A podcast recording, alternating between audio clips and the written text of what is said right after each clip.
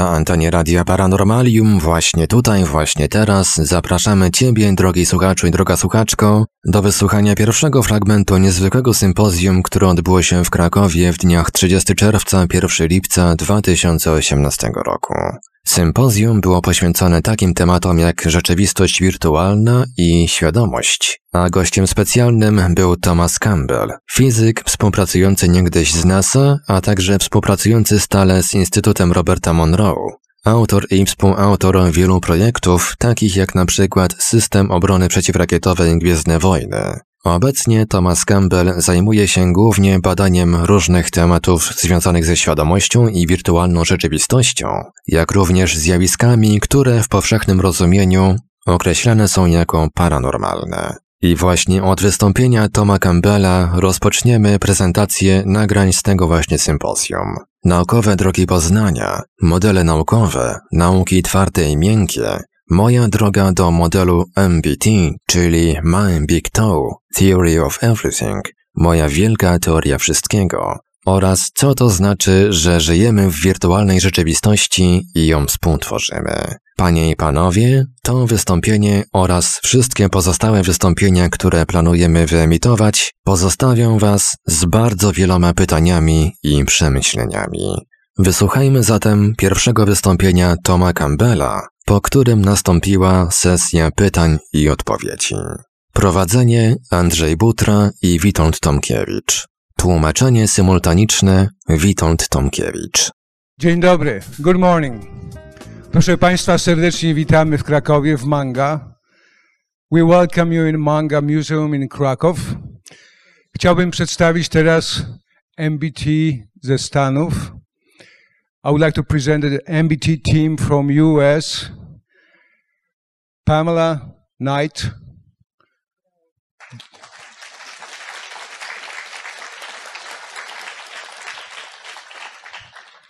Donna Aveni.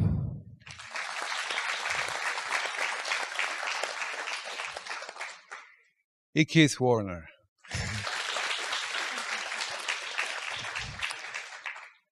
Proszę Państwa, mamy 13 krajów. We have people from at least registered 13 countries.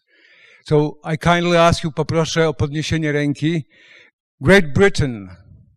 Do we have people from UK? Haven't arrived yet. Ireland. Ireland, welcome. Norway. Yes, Norway. Hungary. Hungary. Spain. Okay. Estonia. Here we have Estonia. Austria. Sweden. And on the list we have a person from US. On the list and here in auditorium, na liście i w auditorium. Germany, Niemcy. Belgium, Belgium there. Slovakia. Okay. And Poland, Polska. Panie, panowie, ladies and gentlemen, please welcome Tom Campbell.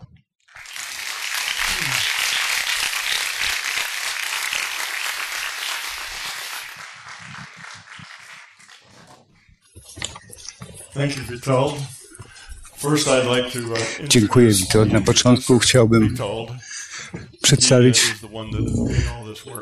Witolda, który spowodował, że to się odbywa. Spowodował, że przylecieliśmy samolotem do Polski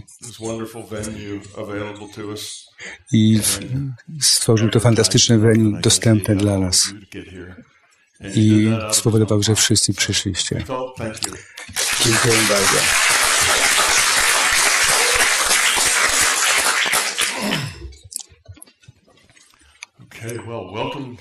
Witam, witam w Krakowie. We're going to focus Skupimy się dzisiaj i jutro na aplikacjach. Nie będę mówił dużo teorii. Czy audio dla wszystkich jest ok? Czy ktoś ma jakiś problem z audio? Ja sobie siądę tutaj. Ok.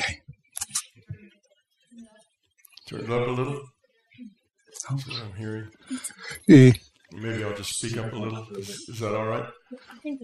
Okay. Yeah, we're going to focus on applications, not theory. będziemy mówić o aplikacji, a nie o teorii. Będę mówił troszeczkę o teorii, bo zauważyłem, że all the countries, there seems to be more people here from Poland than anywhere else. That's not surprising. But the people from Poland, I think, Ludzie z Polski myślę, że Uh, są na początku tej przygody z MBT.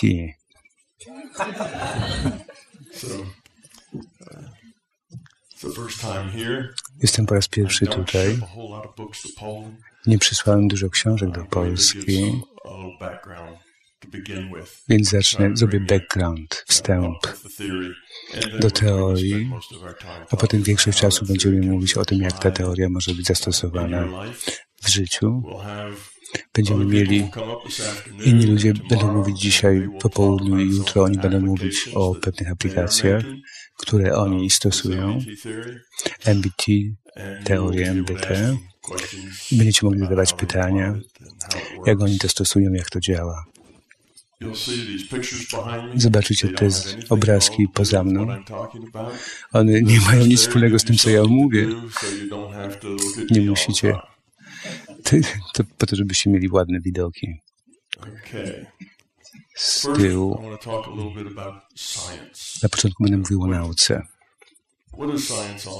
O czym jest nauka? Nauka jest o odkryciach, odkrywaniu nowych i informacji, na której można polegać, ale również jest o tym, żeby być otwartym, mieć umysł i być sceptycznym. Jeżeli nie ma się otwartego umysłu, to się nic nowego nie odkryje. Jeśli nie jest się sceptycznym, to to, co się odkryje, to nie będzie można na tym polegać. Więc potrzeba obie te cechy mieć. W- w-. W nauce wiara jest problemem. Naukowcy wierzą w materializm i widzą tylko rzeczy przez tą soczewkę, przez pod tym kątem. Nauka Polega na tym, żeby zrozumieć dlaczego i w jaki sposób nasze doświadczenie jest takie, the jest. Że na wschodzie wschodzi słońce, zachodzi na zachodzie. Dlaczego tak się dzieje? To nasze doświadczenie. I na tym polega nauka. Ale doświadczenie przychodzi w dwóch typach. Jedno jest obiektywne, a drugie jest subiektywne. Nauka tylko zajmuje się subiektywnymi. I jeśli pomyślimy o tym, o tym, tych dwóch,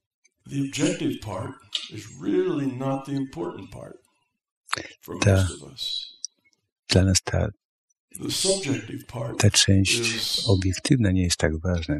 ta, ta subiektywna część to jest to, co miłość, gdzie jest empatia, gdzie dbanie o siebie, troska, tam gdzie miłość i rzeczy, których się nie lubi.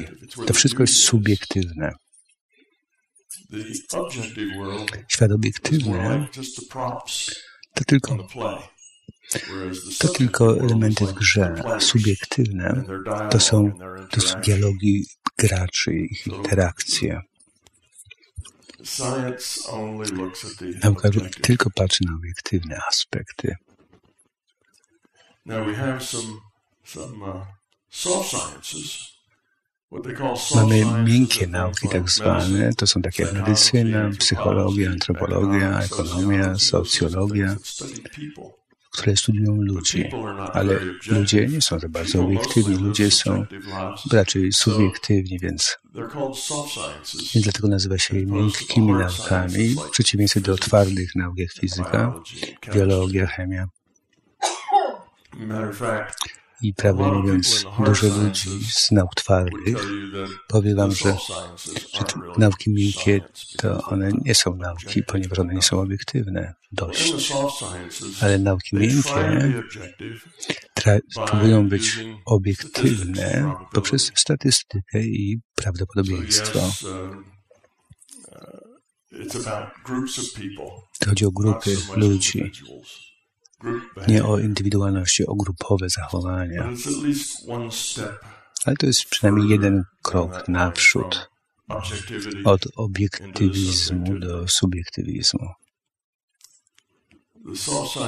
Nauki miękkie muszą być obiektywne, jak to tylko możliwe. To bardzo ograniczające. I na końcu będziemy mówić, na końcu tego łańcucha jest świadomość. Świadomość z definicji jest całkowicie subiektywna i osobista, jest indywidualna. Świadomość to jest, to jest najważniejsza rzecz. Te wybory, doświadczenie, nasze życie, nasze relacje, nasze miłości, nienawiści, emocje, wszystko to jest subiektywne i to tym zajmuje się, to jest świadomość, nasze wybory. I świadomość nie jest studiowana jako nauka. Jest tylko Niewielu, niewiele osób zajmuje się tym. Świadomość nie jest studiowana, ponieważ nie jest obiektywna i dlatego nie jest obiektywną nauką. To niestety jest, że ta część rzeczywistości ważna dla nas jest taka. Nie wiemy skąd się wzięła świadomość, jak ona działa. Prawie nic nie wiemy o niej, jak tylko, że myślimy, że mamy ją.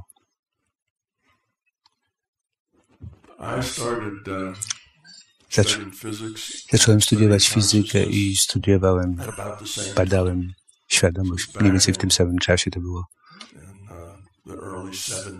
Na początku lat 70., pod koniec lat 60. I na początku zapoznałem się jako fizyk z świadomością, jak byłem studentem. Wziąłem kurs z medytacji i odkryłem przypadkowo, że mogłem, mogłem odwirusować swój software. To było bardzo dawno temu, kiedy te software'y były i programy pisały się na, na, na, na, na kartkach papieru to były zwoje i pliki. I to w takich formatach wtedy się robiło programy. I wtedy po prostu. I nie, nie próbowało się, nie naprawiało się i próbowało na cały czas. Nie mieliśmy tych odwirusowujących e, kodów. I to był bardzo trudny proces, żeby odwirusować te programy, usunąć błędy, ponieważ był jeden komputer na uniwersytecie. Ten komputer był całkiem nowy i on był nie, nie taki mocny jak dzisiaj. Ale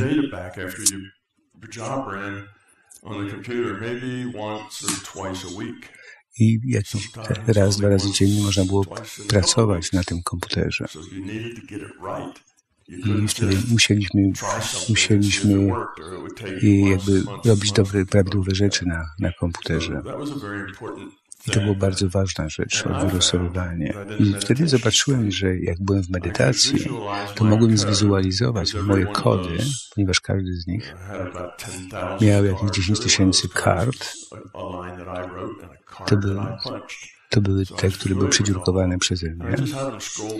I, I one były na takim wydruku na rolce. I i pokazywały mu się na czerwono, tam gdzie były błędy, te kody. I, i wtedy pomyślałem, to bardzo interesujące.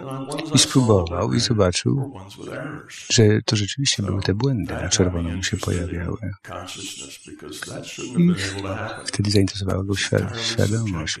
To, to było bardzo zupełnie subiektywne doświadczenie, ale dość dokładne. I to było moje jakby pierwsze zetknięcie się ze świadomością jako fizyk. Jak skończyłem tą y, szkołę przeddyplomową, wtedy mój szef dał mi książkę napisaną przez Roberta Monroe podróże poza ciałem i dał mi tą książkę i powiedział, Tom, przeczytaj to i powiedz, co myślisz o tym. To była moja pierwsza robota. Myślałem, że on mnie testuje, że nie wiedziałem, jaka powinna być prawidłowa odpowiedź. I podał mi swój raport, powiedział, jeżeli to jest prawda, to o wow, to jest zupełnie nowa, nowy wymiar, świadomość, no, nowy wymiar rzeczywistości, której nie znałem jako fizyk. My naśladujemy, robimy modele rzeczywistości. Ale jeżeli to nie jest prawda, to, to jakaś fantazja czyjaś, która ktoś chce sprzedawać książki, więc skąd to wiesz? Jak możesz powiedzieć, czy to jest prawda, czy nie?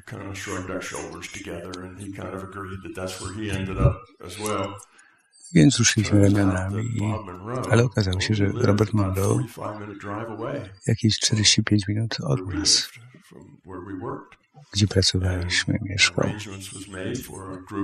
I zorganizowaliśmy dla naszej grupy, żeby, żebyśmy się spotkali z nim. Czy on jest rzeczywisty, czy prawdziwy, czy tylko to wymyśla wszystko. Pojechaliśmy spotkać się z Bobem Monroe i okazało się, że on był bardzo rzeczywisty, bardzo zdyscyplinowany, bardzo miły i on, on, on był biznesmenem, nie był inżynierem. I był bardzo, dość bogaty. I miał, miał firmę w Charleston. Miał, miał duży biały dom na wzgórzu.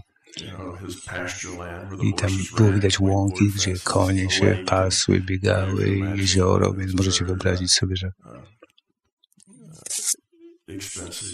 to było dosyć drogie.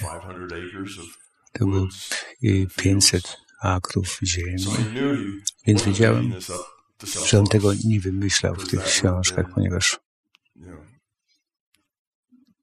not enough money to be worth his while. Nie potrzebował pieniędzy z książek, bo on miał dość dużo pieniędzy.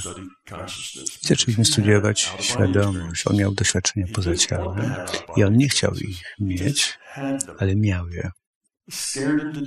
One go przestraszyły do śmierci, ponieważ myślał, że oszaleje.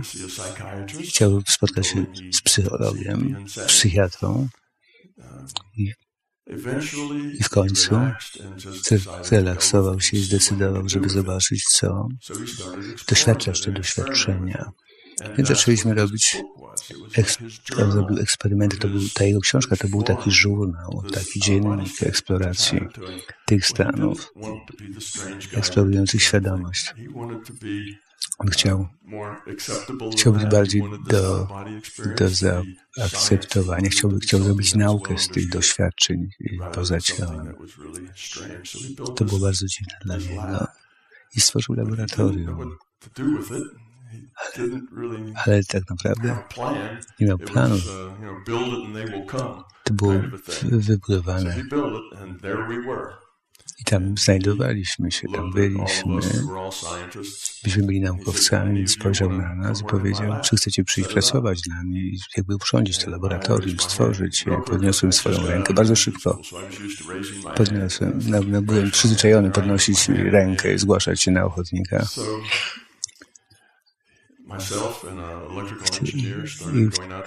Wtedy ja i jeszcze jeden inżynier zaczęliśmy odwiedzać Boba Monroe. Jakieś 15-20 godzin dziennie pracowaliśmy z nim. Mieliśmy taki part-time job. Zbudowaliśmy oprzyrządowanie, i kable do pomiarów głowy, do, do EEG, EEG.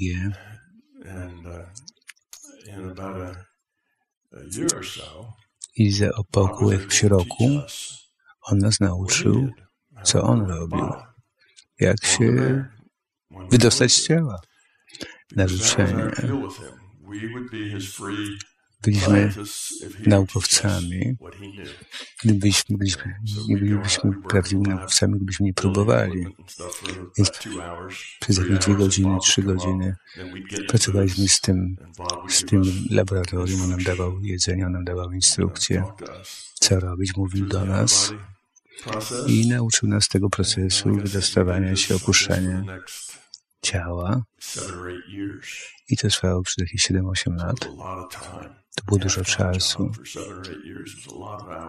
Dużo godzin spędziliśmy tam, dużo praktyki. Wszystko, co robiliśmy w laboratorium, to musiało mieć, być udokumentowane. Mój przyjaciel Denis Emmerich, on był inżynierem. On, on mówił, czy to jest prawdziwe to wszystko. Może tak, może nie. Myśmy robili remote viewing, czyli jasnowictwo i zgadywanie, co było napisane na tablicy w drugim pokoju. I pisaliśmy, co, co będzie za tydzień. Statystyka powiedziała, żebyśmy robili coś prawdziwego, że musieliśmy uzyskiwać odpowiedzi, które dostawaliśmy i zgadywaliśmy rzeczy, które były jakby szansa 1 na 20 tysięcy. To dosyć statystycznie dosyć dobre. Więc statystyka, nasz intelekt podpowiadał, że to jest prawdziwe. To jest rzeczywiste. Ale zabrało mi kilka lat, żebym jakby miał takie uczucie wewnętrzne. To jest różnica pomiędzy wiedzieć, czy coś jest intelektualnie prawdą, a aniżeli być przekonanym na poziomie jakby bytu i jakby czuć, że coś jest.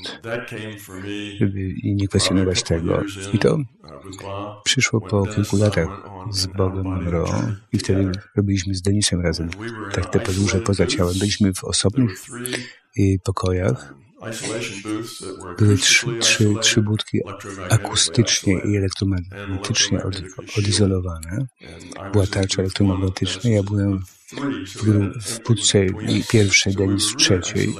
Także naprawdę byliśmy jedną budką oddzieleni i wtedy, i wtedy wyszliśmy w przestrzeń i oglądaliśmy, widzieliśmy rzeczy, mówiliśmy do ludzi, mówiliśmy do siebie, mieliśmy mikrofony i Bob nauczył nas, byśmy mówili, to jak doświadczamy rzeczy, żeby mówić, żeby opisywać.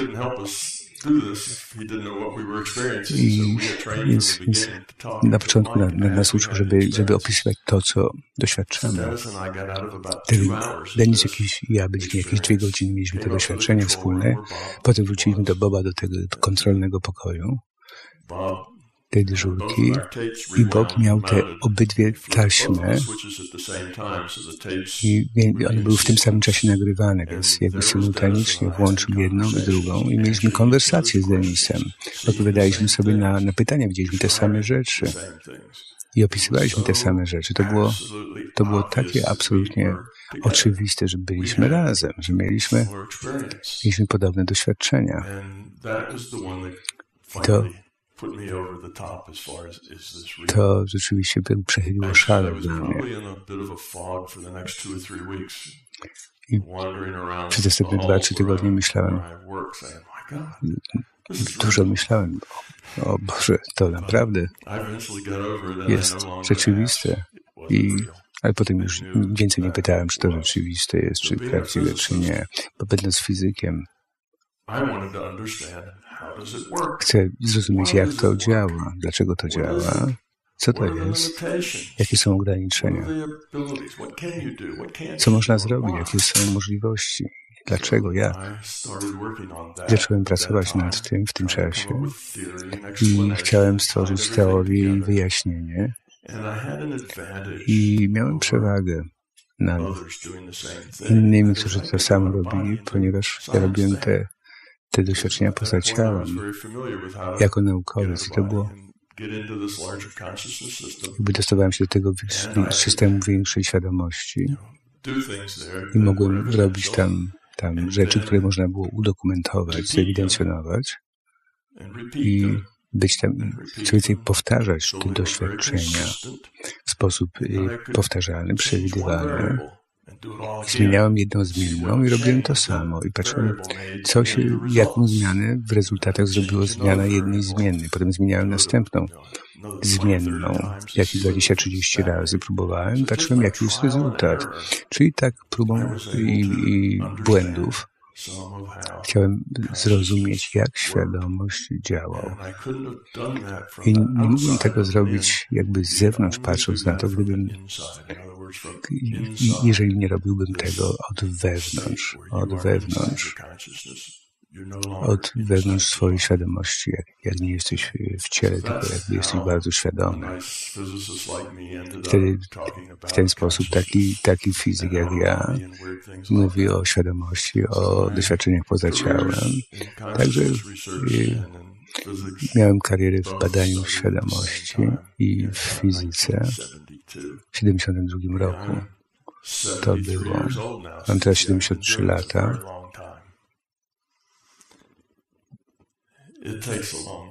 To dużo czasu zabiera. Jestem taki lewomózgowy i bardzo logiczny i penetrowałem te obszary świadomości.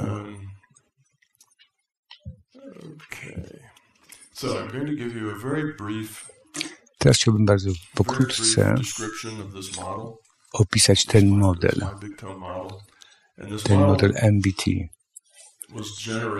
Ten model został zgenerowany, stworzony przez 35 lata badań. Przebywając w tym świecie niefizycznym, zmieniając jedną zmienną za każdym razem.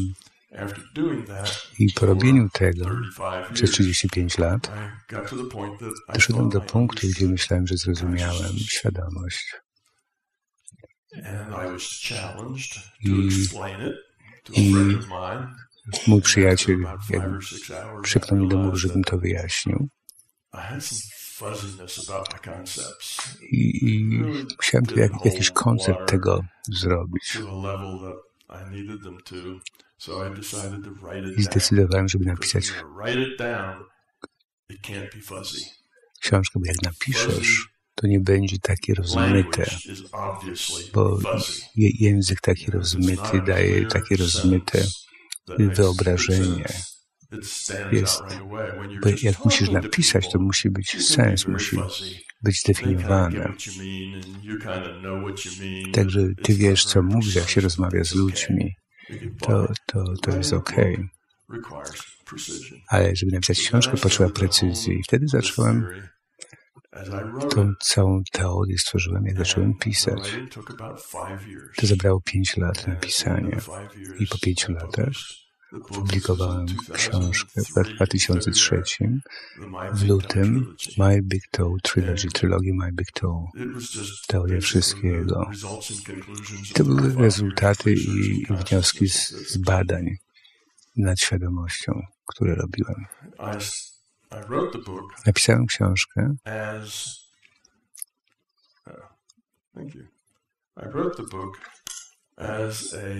Jako teorię świadomości. Wiedziałem, że świadomość jest fundamentalna, podstawowa. To wszystko, co widzieliśmy w laboratorium w Boba Monroe, że, że świadomość jest fundamentalna, że świat fizyczny jest jakby pochodzi ze świadomości. Świat fizyczny jest wtórny. To jest jakby pod, zestawem, pod zbiorem świadomości. I miałem dużo, dużo danych. Miałem te, teorię i ta teoria wyjaśniała rzeczy, które doświadczyłem w, tym, w tych doświadczeniach niefizycznych, tych metafizycznych. Więc tak, tą teorię świadomości. Jako świadomość jest fundamentalna, pierwotna. Że te rzeczy niefizyczne, paranormalne? i świadomość, które wyjaśniają to. Po, po około dwóch lat, jak to zostało opublikowane, to miałem taki wielki moment, aha, ktoś do mnie coś powiedział, co, zupełnie coś innego mnie zapytał. I wtedy pociągnęło za sznurek. I wtedy zdałem sobie sprawę, że że te same zasady, te same koncepty, zasady, które użyłem do teorii świadomości, również mogą wyjaśnić mechanikę kwantową. Jak działa mechanika kwantowa? Ja wiedziałem, że tam było połączenie, ale tak naprawdę to nie znałem mechanizmu. I wtedy zrozumiałem, i wtedy pomyślałem, to dobre, ponieważ, jak wiecie, i teraz mechanika kwantowa nie jest zrozumiana. Fizycy nazywają to dziwną nauką. Wszyscy nazywają to dziwna nauka. Mm. Że, że jest nielogiczna. Oni to nazywają nielokalna, niezlokalizowana. Rzeczy zdarzają się w mechanice kwantowej, które są, które nie są możliwe do zdarzenia się w świecie fizycznym. Więc, więc zrozumienie tego i wyprowadzenie, czy u, wyjaśnienie tego, to, to wielkie, wielka rzecz. Ponieważ fizycy, oni umieją kalkulować odpowiedzi, wiedzą, że że jeżeli założą, że cząstki są y, rozkładem prawdopodobieństwa, że w ogóle nie istnieją, że tylko istnieje potencjalny potencjał dla cząsteczki. To matematycznie reprezentuje jako rozkład prawdopodobieństwa. I ta wiedza to wszystko to jest rozkład prawdopodobieństwa i stąd wychodzą odpowiedzi. I to są odpowiedzi, które mogą przewidzieć, jaki będzie wynik y, eksperymentu z mechaniki kwantowej. Ale ja znalazłem sposób, żeby to wyjaśnić, jak to działa i dlaczego tak działa. To musi być rozkład prawdopodobieństwa. I wtedy zacząłem patrzeć na mechanikę kwantową.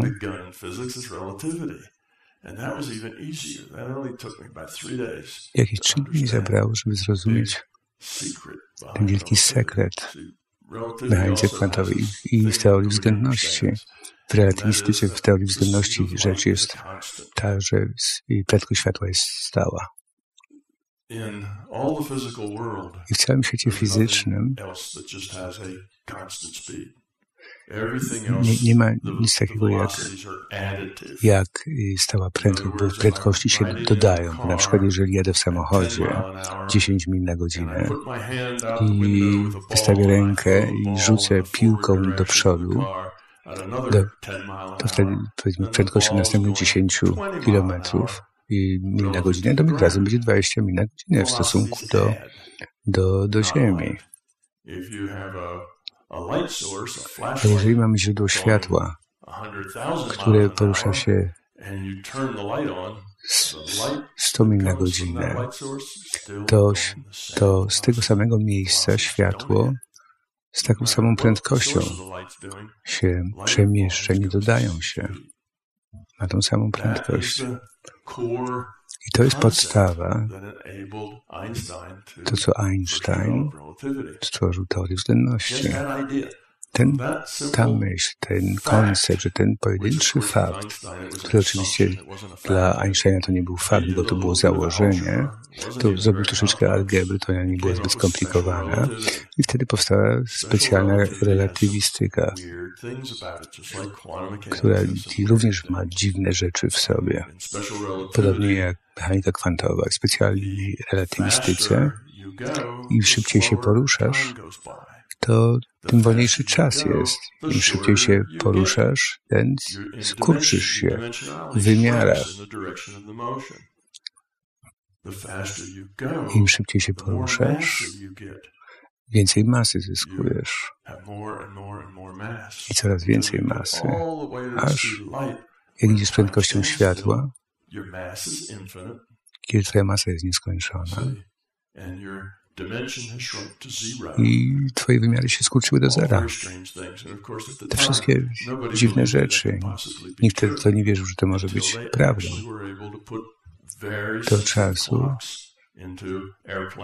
jak, dopiero wtedy, jak dali satelity i w samoloty dali zegary bardzo dokładne i, i wtedy zobaczyli, Zobaczyli, że stracili czas w stosunku do, do odniesienia w rzeczywistości.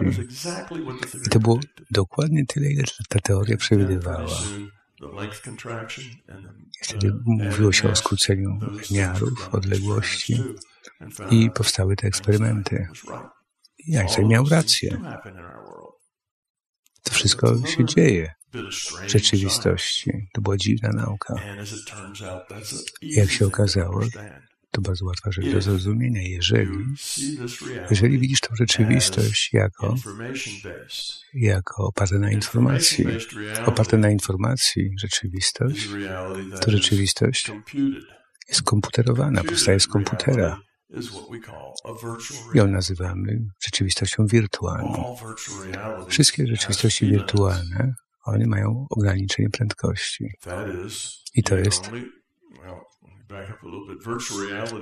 te, te rzeczywistości wirtualne są dynamiczne, rzeczy się poruszają.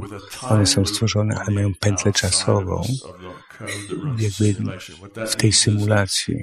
To znaczy, jeżeli, jeżeli się robi scenę, wtedy ten odstęp czasowy powstaje jakby następny obraz, czyli jakby za każdym razem, za każdym obrazem się komputuje nowy obraz z pewną prędkością.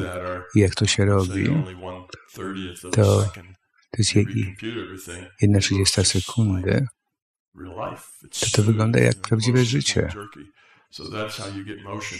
Tak mamy, mamy filmy, takie mam w symulacji się robi, że obrazu się tworzy. Każda symulacja ma tą y, delta T, odstęp czasowy, ten i, i pętlę czasową. Każda symulacja ma również y, rozmiar w pikselach, czyli jakby rozmiary tych, tych punktów, prędko, limit prędkości w symulacji, to jest, to jest to delta AX, czyli ta odległość pomiędzy tymi, tymi obrazami, więc tego jednego piksela można co jeden cykl przesunąć i tak się uzyskuje ruch. Czyli każdy cykl posuwamy się o piksela, czyli wszystkie wirtualne rzeczywistości tak działają. A jeżeli chcielibyśmy szybciej, to byśmy musieli robić teleportację, żeby mieć kilka pikselów do przodu w czasie jednego stępu czasowego delta t. To byłoby jakby te rzeczy przeskakiwały, tutaj znikały, pojawiały się w innym miejscu. Teleportacja, to nie jest rzeczywistość, jaką mamy.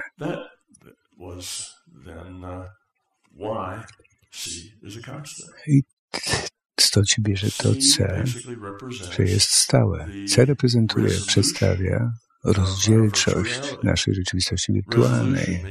Rozdzielczość, czyli ten, czyli te, ten najmniejszy element, ten, ten kwanta, ten, czyli ten najmniejsza cząstka czasu.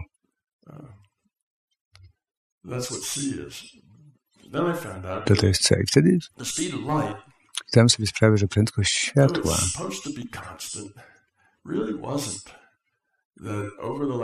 że przez ostatnie 100 lat może, tak długo mierzymy prędkość światła, ona się troszeczkę zmienia. Nie jest stała, nie cały czas, nie przypadkowo, ale troszeczkę jest większa, troszeczkę jest mniejsza. Tam na, na ósmym, dziewiątym miejscu po przecinku. I ta różnica jest, można ją zmierzyć. I to byłoby zagadkowe. I powód, dla którego to się staje, też że w rzeczywistościach wirtualnych macie tą rozdzielczość i nie można im mniejszej zrobić. Ponieważ im mniejsza rezolucja, tym więcej komputacji kom potrzeba. Wtedy kom komputer ma problem, żeby to wszystko odtwarzać, robić. Musi robić coraz więcej kalkulacji. Więc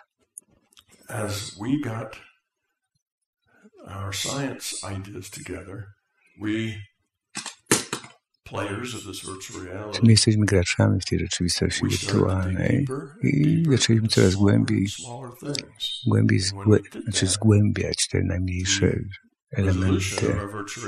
I rezolucja tej naszej rzeczywistości wirtualnej czy może być zwiększona, czy, czy można mieć jakby opis coraz mniejszych cząstek, ale nie chcemy zmienić prędkości światła, ponieważ to jest, to jest podstawowy koncept.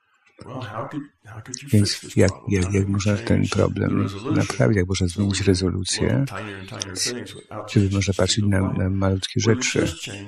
Po prostu zmieniasz delta t i delta x o tą samą ilość i wtedy stosunek jest stały.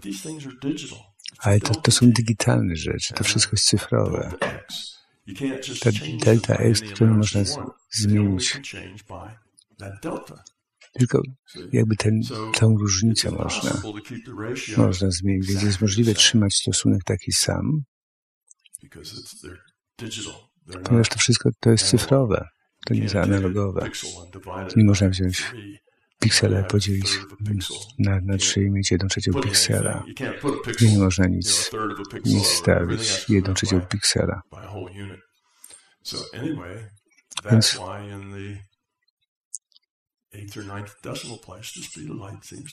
Czyli stąd ta prędkość światła na 8-9 miejscu przecinku, ona się zmienia. Zaczęliśmy coraz głębiej badać i szukać wyjaśnień.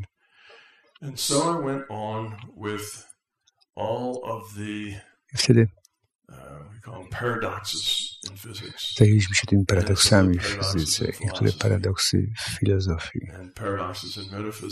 metafizyce. I każdy z nich ma rozwiązanie, tak jak dlaczego cząstki są rozkładem prawdopodobieństwa, dlaczego prędkość światła jest stała, dlaczego ona się troszeczkę różni. Te wszystkie paradoksy, one miały logiczne, mocne wyjaśnienie, które pokazało, że ten koncept, że rzeczywistość jest wirtualna, jakby sprawdza się. To jest jakby ta opowieść. o MBT modelu, MBT. I teraz szybko przeskoczę. To będzie wyglądało, jak wymyślam coś, bo będę robił jakby twierdzenia bez podparcia, ale to jest naprawdę logiczne i to ma podparcie. wydedukowane, ale nie mamy za dużo czasu dzisiaj, żeby to wszystko przedstawić. Więc zdałem sobie sprawę, że fundamentalna rzeczywistość to jest świadomość, jest duży system świadomości.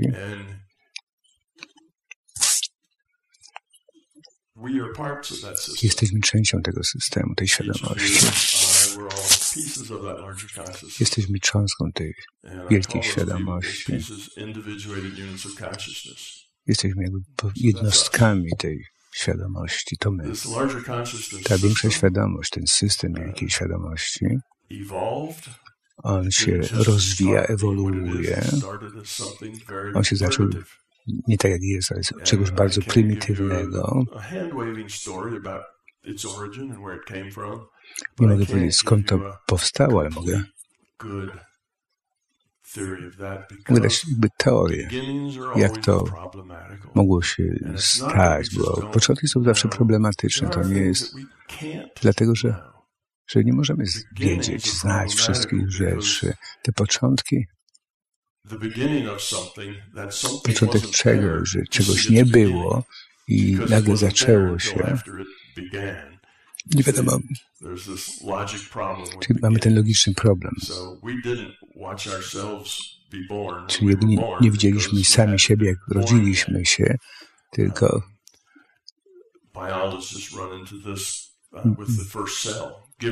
Biologia ma ten kłopot z, z komórką, ale dajcie nam jedną komórkę, a zrobimy ewolucję. Ale skąd pochodzi ta pierwsza komórka? Fizycy mają wiele problemów. Mają. Dajcie im kulę plazmy i powiedzmy o Big Bang, teorii Big Bangu, jak to wszystko powstało z tego. Skąd powstała ta, ta kula plazmy? Ja mogę odpowiedzieć na, na, na oba te pytania. W każdym razie Początki są, opisanie początków jest problematyczne.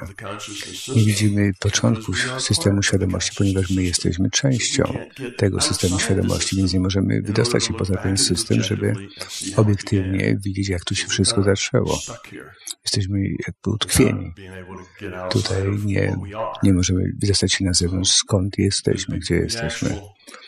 I w rzeczywistości początek świadomości to jest y, jeden z moich tematów. Po prostu świadomość istnieje. Wszyscy jesteśmy świadomi, że jakby każdy z nas jest świadomy, że świadomość istnieje.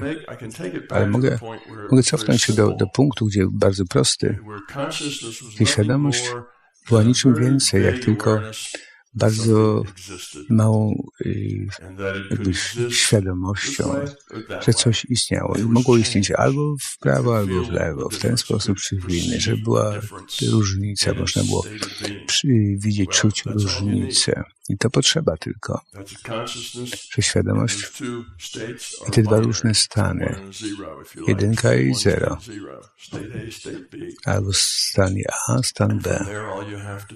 I stąd tylko mnożyć. Mnożyć. I wtedy się ma dużo zer, dużo jedynek i du dużo różnych stanów. I ma się inform system informacyjny.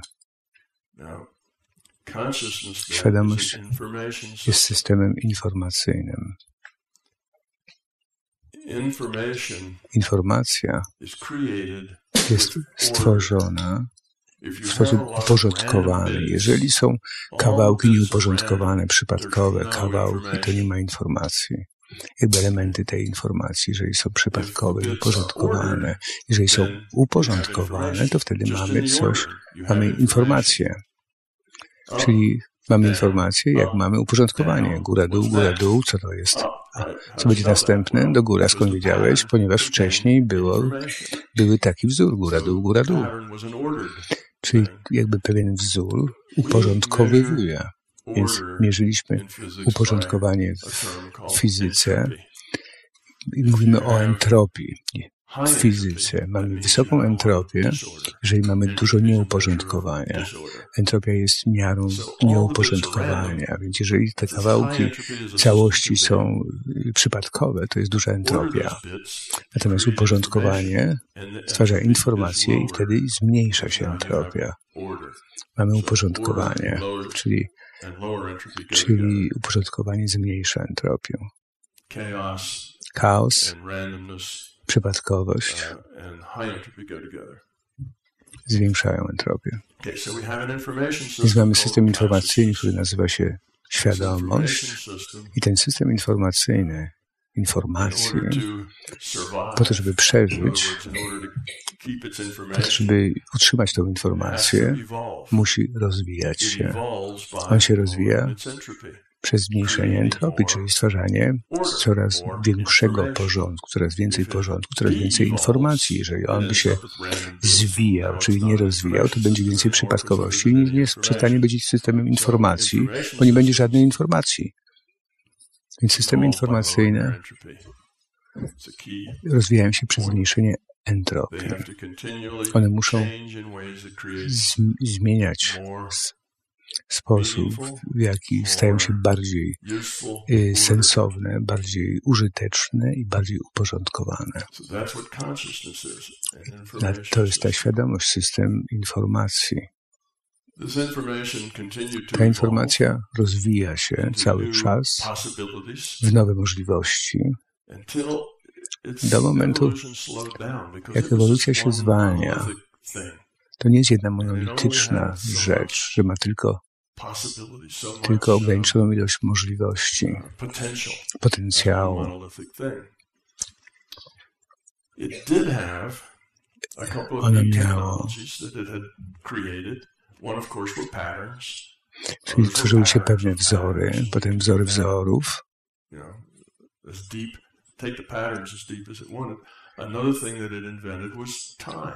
I czas jest następnym czynnikiem, ponieważ teraz możemy mieć pewne sekwencje wzorów. powtarzalnych elementów, więc można wtedy w czasie uporządkowywać te wzory. Co jest czasem? Czas to jest zmiana.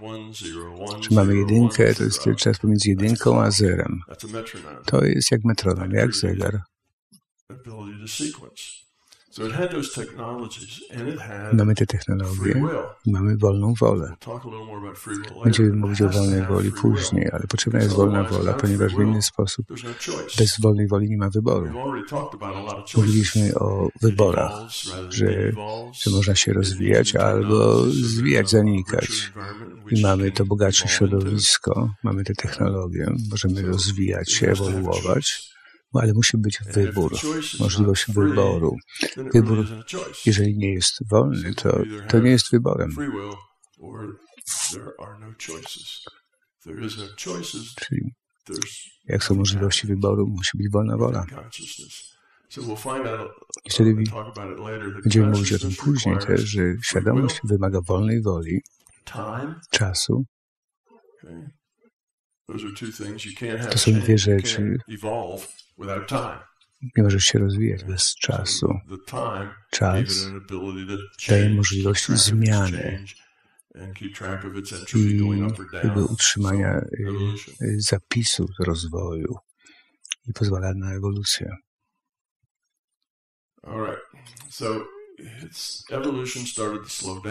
Więc ewolucja się zwolniła i to się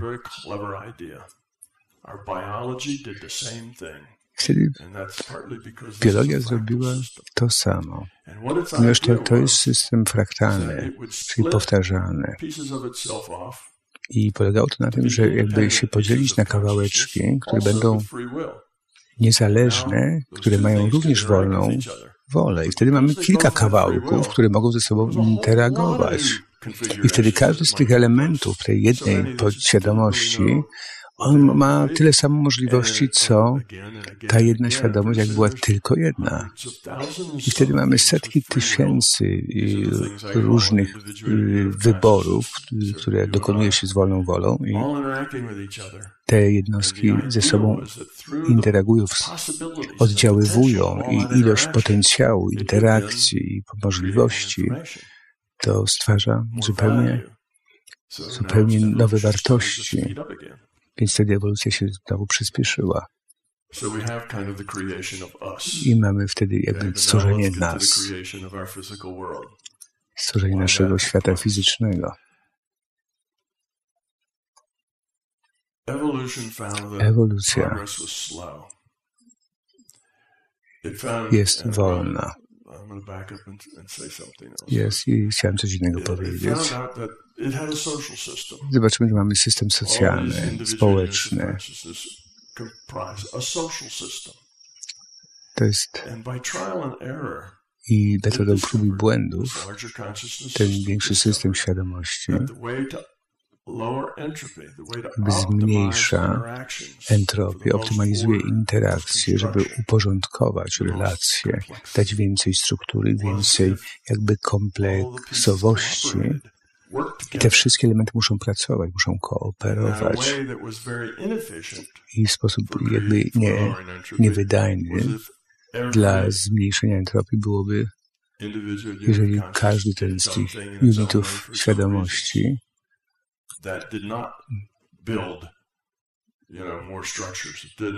działałby jakby niezależnie, nie działał jakby na rzecz systemu i optymalizacji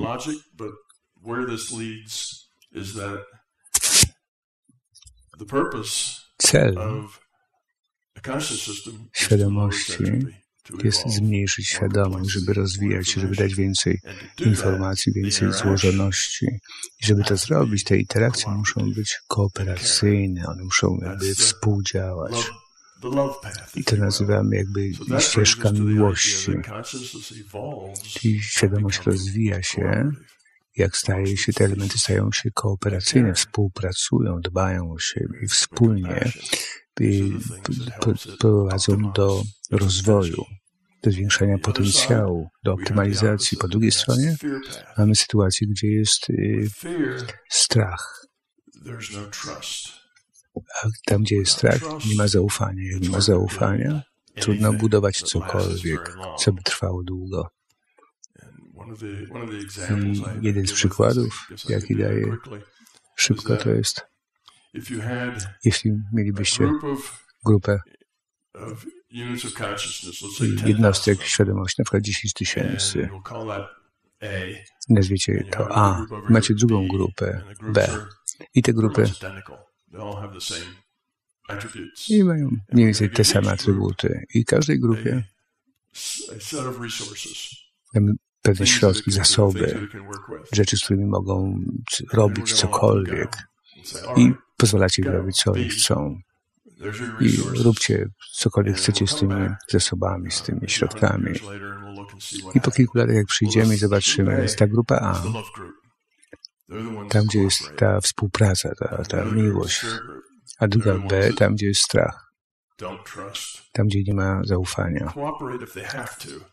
I kooperują tylko wtedy, kiedy muszą, ale, ale zwykle współpracują tylko po to, żeby zobaczyć, co można zyskać dla samego siebie. Więc jak wam się wydaje, co zobaczymy w tej grupie miłości? A tam po 100 latach będą optymalizować swoje zasoby dla całej grupy, dla każdego. Będą budować, będą konstruować i będą optymalne te zasoby. A w tej grupie strachu zobaczycie, że na początku oni nie będą wierzyć sobie nawzajem, ale każdy będzie zabrać drugiemu coś, ponieważ będzie się obawiał, że ktoś inny zabierze im te zasoby i trzeba będzie się bronić, żeby szybciej zabrać komuś innemu. I wtedy, wtedy grupują się. Grupują się, tworzą systemy obrony wzajemnej i mamy te, te grupy i trzymamy swoje zasoby i bronimy się przed innymi. I więc jedna grupa przeciwko drugiej tworzy systemy obronne i te grupy się pojawiają i one walczą ze sobą o, ten, o te rzeczy, o te zasoby. I w końcu mamy hierarchię zbudowaną, wysoką w tych grupach. Macie 95% środków, które należą do 5% tych jednostek, a wszyscy inni pod spodem, u dołu, oni te, te, te chłopi, to chłopstwo, oni czy, czy to nie wygląda na rzeczywistość, świat, w jakim my żyjemy? Czy jesteśmy jakby w tej grupie, gdzie strach rządzi? W takim środowisku, w takim społeczeństwie żyjemy. W tej grupie jest, strachu jest duża entropia i ta cała świadomość, ten system informacyjny, świadomościowy, żeby rozwijać się, on musi tą współpracę promować. To, to robi. Te systemy świadomości to są świadomościowe systemy. Mamy teraz setki tysięcy tych unitów, tych poszczególnych świadomości i zdajemy sobie sprawę, że te, te wszystkie elementy jakby kooperują i dbają o siebie. To dosyć trudno zrobić, ponieważ ten, to środowisko to jest jak taki, jakby być na, na czacie, że tylko się komunikuje. I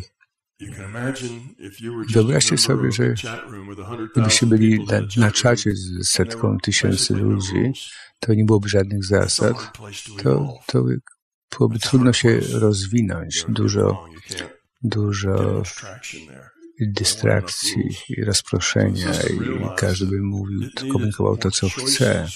Więc potrzeba czegoś, żeby jakiegoś systemu, że można by podejmować decyzje, decyzje moralne.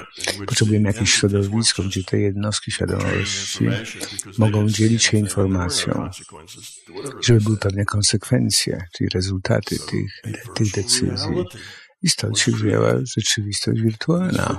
Ta rzeczywistość wirtualna, ona została stworzona z rzeczy, z zasad i z początkowych warunków, z dwóch rzeczy.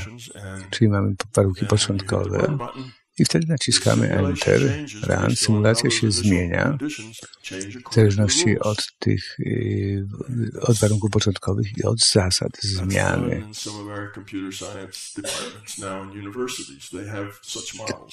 Mają takie modele na, w Stanach na uniwersytetach, że mają, że robi się tą jakby y, świadomość sztuczną, że daje się jakby warunki początkowe i pewne zasady w jaki to się ma rozwijać.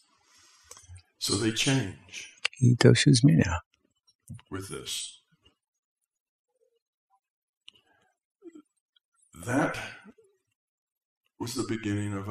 To był początek naszej rzeczywistości. wirtualnej, którą nazywamy fizycznym wszechświatem. Jakie były warunki początkowe? To było, była plazma, wysoka temperatura, wysokie ciśnienia, Skąd się wzięła ta plazma, ta kula plazmy? To były te warunki początkowe, metaforycznie.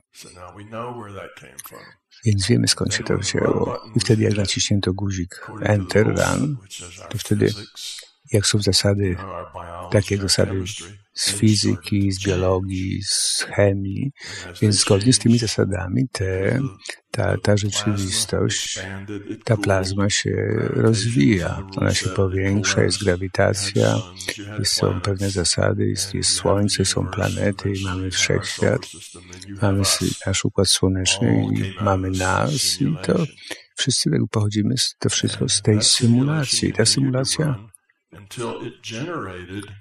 ona końcu zgenerowała te rzeczy i te charaktery, te postaci, te, nazwijmy je awatarami, które mogły podejmować decyzje, które były ciekawe, moralne wybory. Wybory, które mają konsekwencje, które coś znaczą. I co ta świadomość zrobiła, jak, jak te wszystkie charaktery zostały w, komputerze stworzone, tak jak się w gry, gra, gra się w gry komputerowe. Tam, tam są te, te, te charaktery różne i jak są różne wybory dla tych charakterów, to te jednostki świadomości, one się logują do tych awatarów, do tych, tej, tej grze, w tej, w tej wirtualnej rzeczywistości, w tej symulacji. I kim my jesteśmy? My jesteśmy, nasze ciała to są jak awatary. My jesteśmy świadomość, cząstkami świadomości, wielkiej świadomości i gramy naszymi awatarami, naszymi ciałami fizycznymi w tej grze. To ja wiem, że to dosyć dużo jakby od razu powiedzieć, przedstawić, ale to rozwiązuje te paradoksy w fizyce i w nauce. I to wyjaśnia, dlaczego tak jest, a nie inaczej. Dużo tych rzeczy jakby ma sens. Jest dużo dużo rzeczy, które podpowiadają, że się jest w rzeczywistości wirtualnej. Na przykład jeden sposób, że jesteśmy w VR-ze, to jest to, że, ona zaczęła się od niczego. To wtedy jak się nacisnęło guzik, już klawisz run, enter.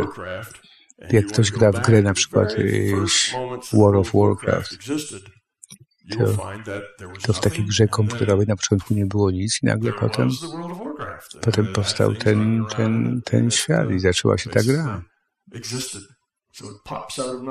Czyli stworzył się z niczego, tak jak my, tak jak ta kula plazmy. Powstała, wyskoczyła z niczego.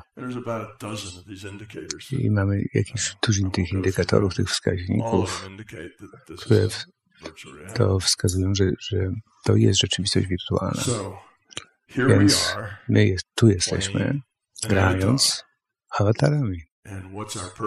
Jaki nasz cel? Czym się rozwijać? Rozwijać świadomość. Ja to nazywam zwiększając jakość naszej świadomości, zmniejszając entropię naszej świadomości. Jak? Poprzez dbanie, poprzez współpracę, poprzez miłość. Bo mamy ten cel, mamy fizyczną rzeczywistość. I jaki jest nasz cel tutaj? Powinniśmy dbać o siebie nawzajem. To jest, to jest, to jest droga prowadząca do rozwoju, do ewolucji. Teraz jesteśmy na, to my jesteśmy na drodze teraz. To jest taka raczej to otoczenie strachu. I ta ewolucja to jest wolny proces, potrzeba dużo czasu. Pierwsze, będzie dużo pytań. Mamy sporo czasu,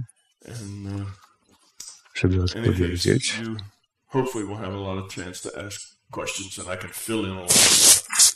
Na pewno będziecie zadawać pytania, gdzie będę mógł wypełnić te luki, które powstały teraz przy tym, co mówię.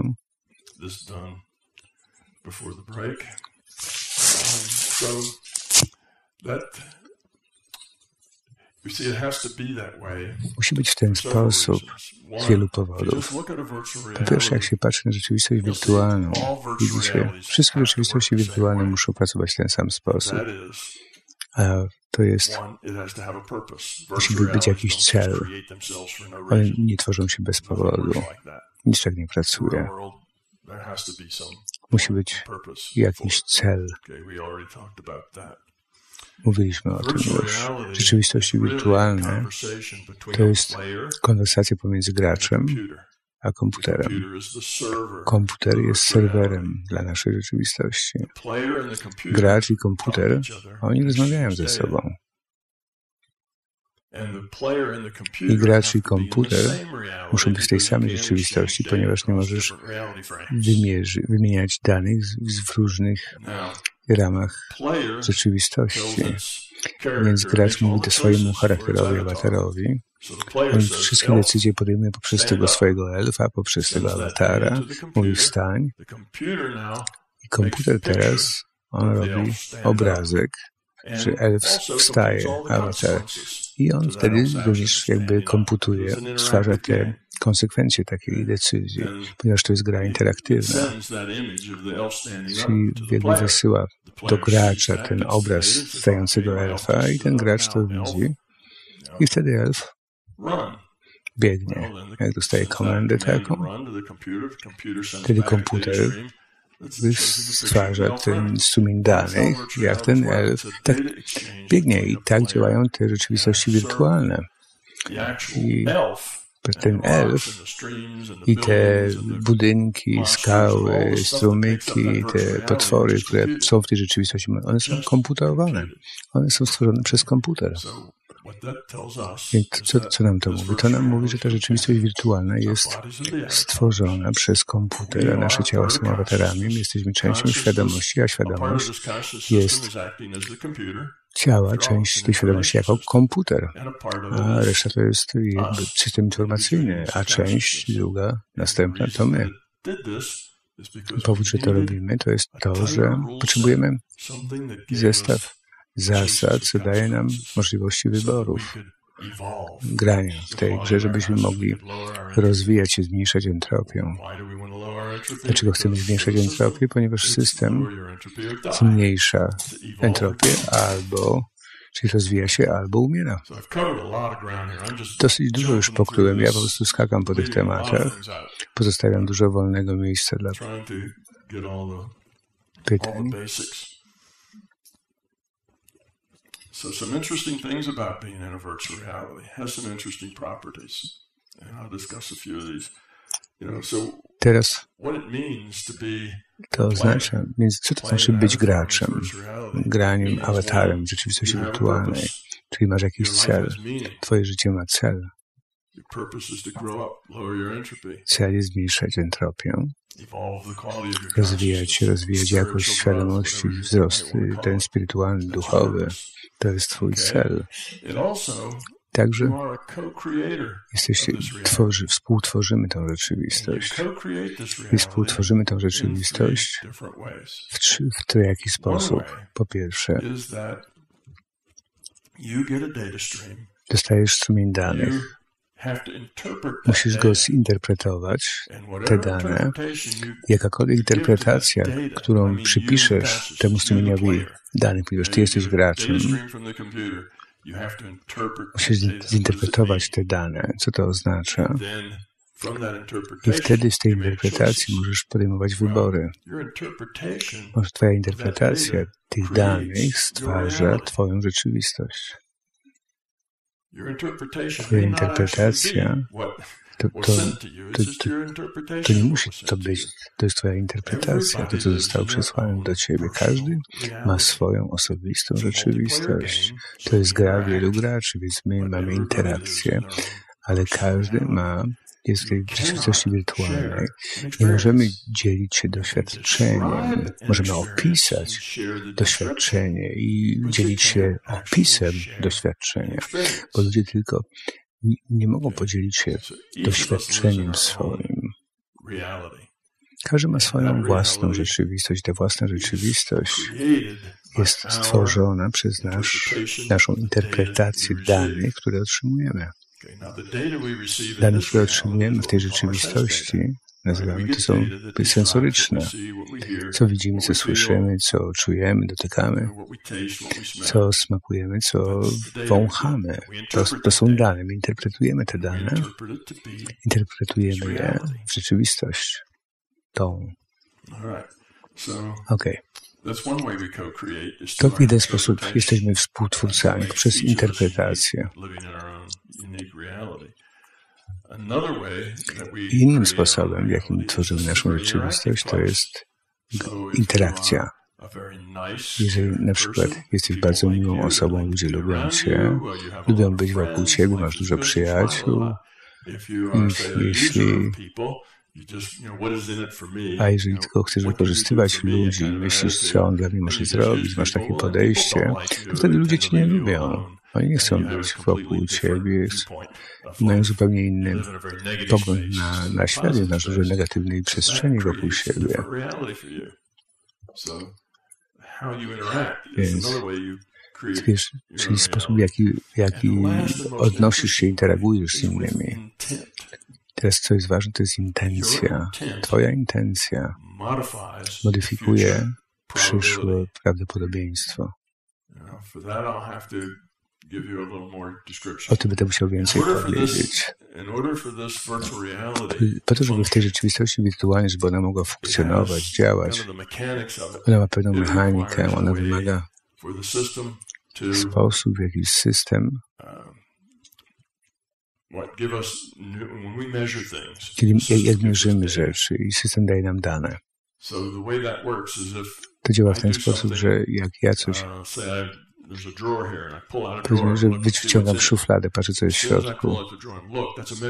To jest, to jest jakby pomiar. To jest, system daje mi dane i pokazuje mi, co jest w tej szufladzie. Czyli moje działanie, pociągnięcie za drzwiczki, to powoduje konsekwencje.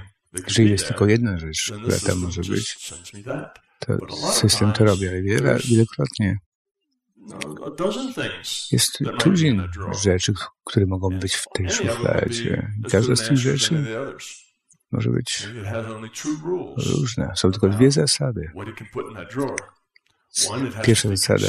to, co te zasady, to wszystko musi mieć jakąś konsekwencję w całości. Dwa, i nie może wykraczać poza zasady obowiązujące w danej grze. Te dwie rzeczy. Konsekwencje i nie może wykraczać poza zasady. Jeżeli ktoś żyje dzisiaj, kto ma informację, co jest w danej szufladzie, ktokolwiek włożył cokolwiek do tej szuflady, na przykład jeżeli ta osoba nie żyje i nie ma nikogo, to wtedy nie ma informacji dostępnej.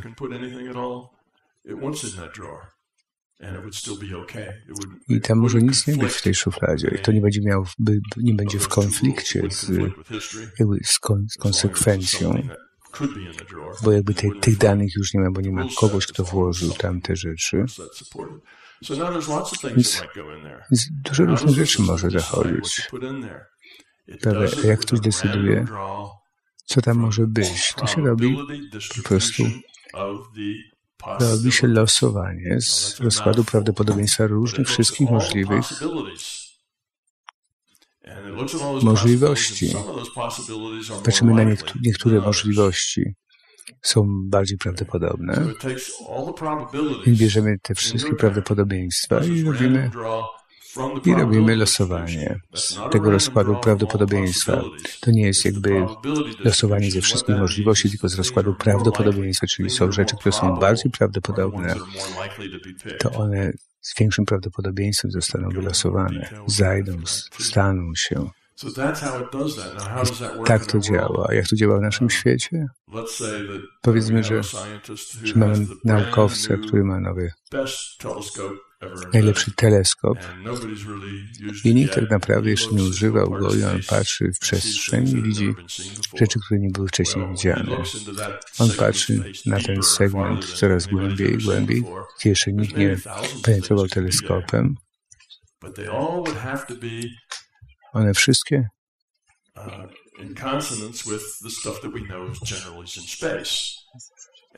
to wszystko musi być konsekwentne z tym, co tam, co tam było już w przestrzeni. To nie może być coś, coś innego.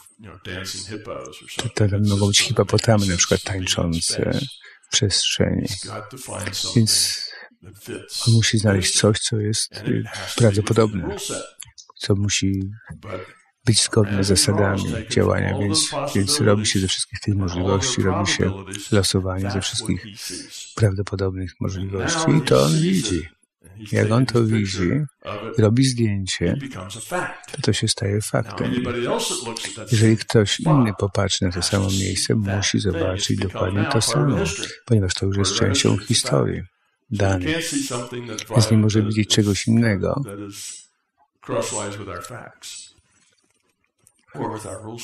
takie są zasady. Tak działa ten system. I to, żeby system pracował w ten sposób, musi być prawo, że wszystkie możliwości i prawdopodobieństwo tych możliwości zaczynają się przy następnym odstępie czasu przy następnej odsłonie symulacji. Czyli co wtedy, co jest możliwe, że stanie się najprawdopodobniej w przyszłym odsłonie. Ta, ten odstęp czasowy to jest 10 do minus 44 sekundy, to jest, to jest bardzo łatwe do zgadnięcia, to wtedy wiemy, co się stanie przy następnej odsłonie, następnej, następnej, następnej. I jak idziemy bardziej do przodu, jakby ma, mamy coraz więcej jakby już założeń, co będzie. Więc to są te bazy danych, czyli prawdopodobne bazy danych przyszło, przyszłych wydarzeń i prawdopodobieństwo. Każdy z nich ma prawdopodobieństwo, z jakim może zajść dany scenariusz. Więc mamy uh, Mamy te bazy danych. To, to są te, te możliwości przyszłości. Czy jakby trzeci, trzeci sposób modyfikowania rzeczywistości to jest przez intencję. I z naszą intencją my możemy zmienić prawdopodobieństwo w tej przyszłej bazie dalej. Powiedzmy, że są dwie możliwości. Jedna jest, że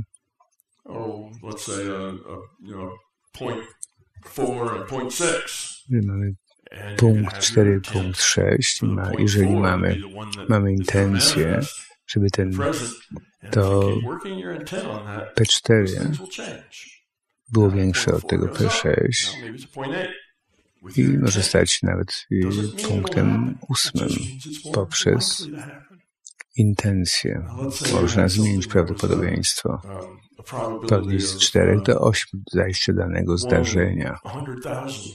Natomiast jeżeli mamy jakieś zjawisko, co może być jeden na 100 tysięcy, takie prawdopodobieństwo zajścia i pracujemy mocno i intencję mamy wielką, żeby zwiększyć, możemy zwiększyć do 10 tysięcy. To bardzo dużo. Ale i tak dalej to jest bardzo mało prawdopodobne, żeby coś, żeby to zaszło. Więc można zmodyfikować tą przyszłą przy, podwyższyć prawdopodobieństwo zajścia przyszłych zdarzeń.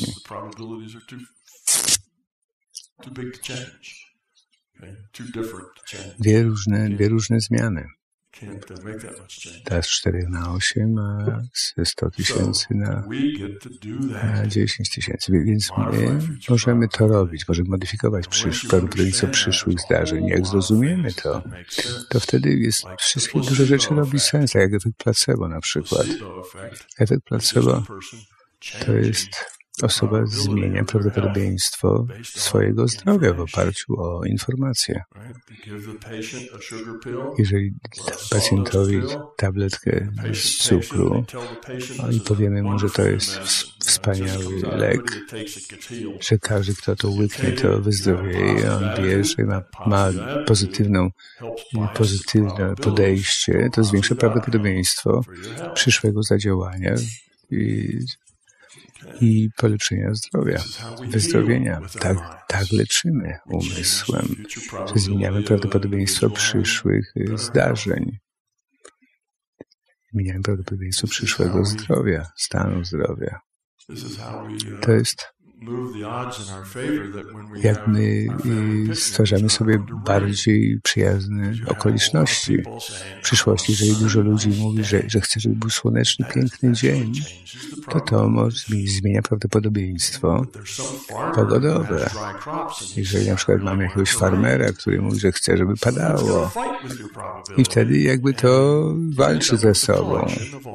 I wtedy jakby wypadkowa tych, tych wszystkich życzeń, tych intencji i powoduje, jakby wpływa na prawdopodobieństwa zjawiska, które zajdzie, albo które może zajść.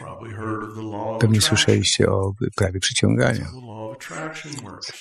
Tak działa prawo przyciągania, modyfikowanie przyszłych, prawdopodobieństwa przyszłych zdarzeń poprzez intencję.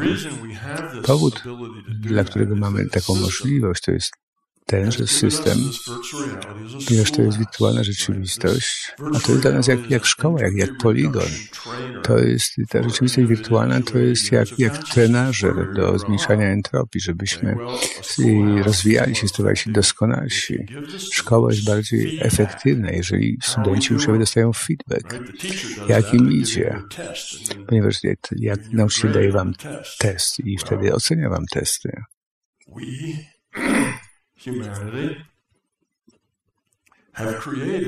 My stworzyliśmy tą rzeczywistość, w której jesteśmy. Jak obejrzycie się, popatrzycie naokoło, zobaczycie ten świat i te dysfunkcje, widzicie tą chciwość, tą y, egoistyczność i niegrzeczność. To, to jest reprezentacja jakości świadomości reprezentowanych przez y, ludzi. Tym jesteśmy. To taki feedback dostajemy. Feedback, uh,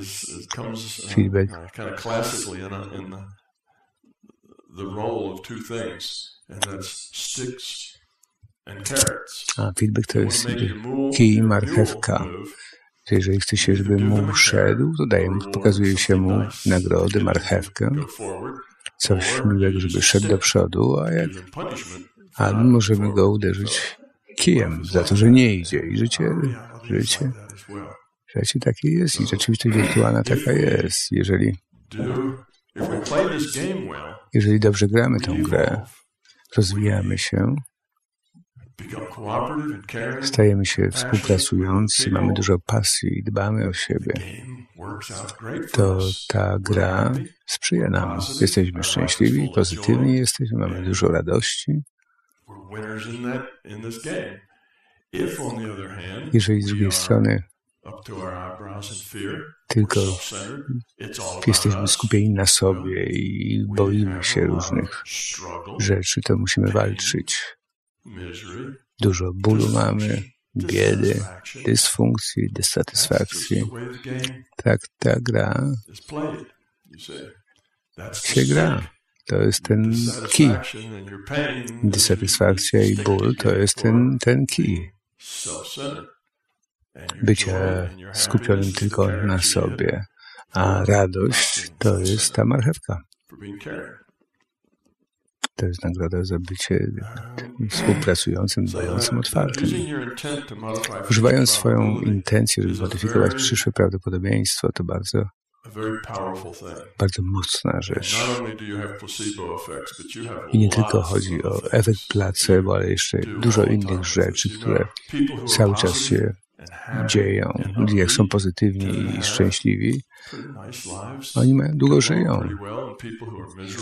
Ludzie, którzy, którzy są pełni jakiegoś rozgoryczenia i użalania się nad sobą, to mają, mają takie życie ciężkie, ponieważ oni dają energię tym, tym wartościom. I rozwinę ten temat później. So that gives you a, a kind of an initial run over the to był taki wstęp o generalnie o koncepcie MBT filozofii, My Big Toe MBT. Próbowałem skupić się bardziej na aplikacjach teraz. Jest miło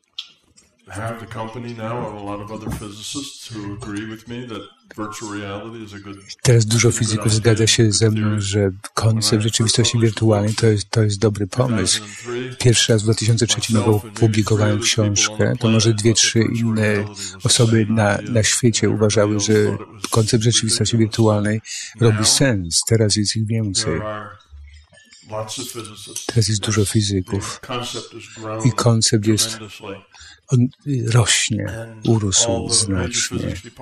I na całym świecie departamenty fizyki, oni uważają, że przyznają o rzeczywistości wirtualnej, ale to nie przeze mnie, ale przez ich własne eksperymenty, eksperymenty mechaniki kwantowej. I ci fizycy zdają sobie sprawę, że to jest rzeczywistość wirtualna jakbyśmy kopali w ekran tego telewizora, że to jest jedyny koncept, który się sprawdza, który przyłożony do rzeczywistości wyjaśni zjawiska zachodzące. To jest pewnie najbardziej, najszybciej rosnący koncept przez ostatnią dekadę i nie widzę, że to się zatrzymuje. To będzie coraz więcej i prawdopodobnie będzie rósł, zwiększał się przez następną dekadę. Więc myślę, że to jest pomysł, który, że przyszedł czas na to. I, I on odpowiada i wyjaśnia eksperymenty fizyczne, więc nie jestem jedyny, nie jestem sam. Prawdopodobnie przez następne 4-5 lat będzie więcej centrów do, do badania rzeczywistości wirtualnej, tak jak nauka rozwija się. Um, a teraz um, zmieniamy bieg.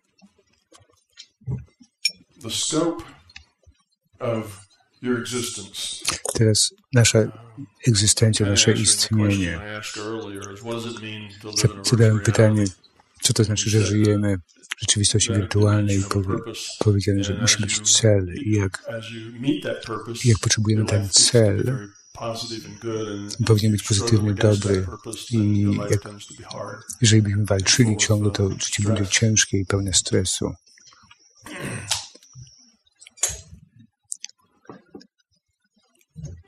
But beyond that, co to znaczy ta rzeczywistość wirtualna? To jest to, że jesteśmy częścią czegoś wielkiego. Jesteśmy świadomością, jesteście świadomością. Ciało się starzeje, umiera, a świadomość nie. Jesteśmy nieśmiertelni. Pracujcie nad tym, zmniejszamy tą entropię, redukujemy. Również macie możliwość eksplorować świadomość, tą większą świadomość, ten system większej świadomości.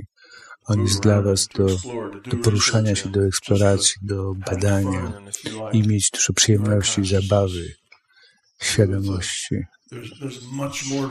Jest ich dużo więcej, jeżeli to, to co rzeczywiste, widzialne, To nie jest tylko jedna rzeczywistość wirtualna w wielkim systemie świadomości. Tam jest możliwość eksplorowania wszystkich rzeczywistości.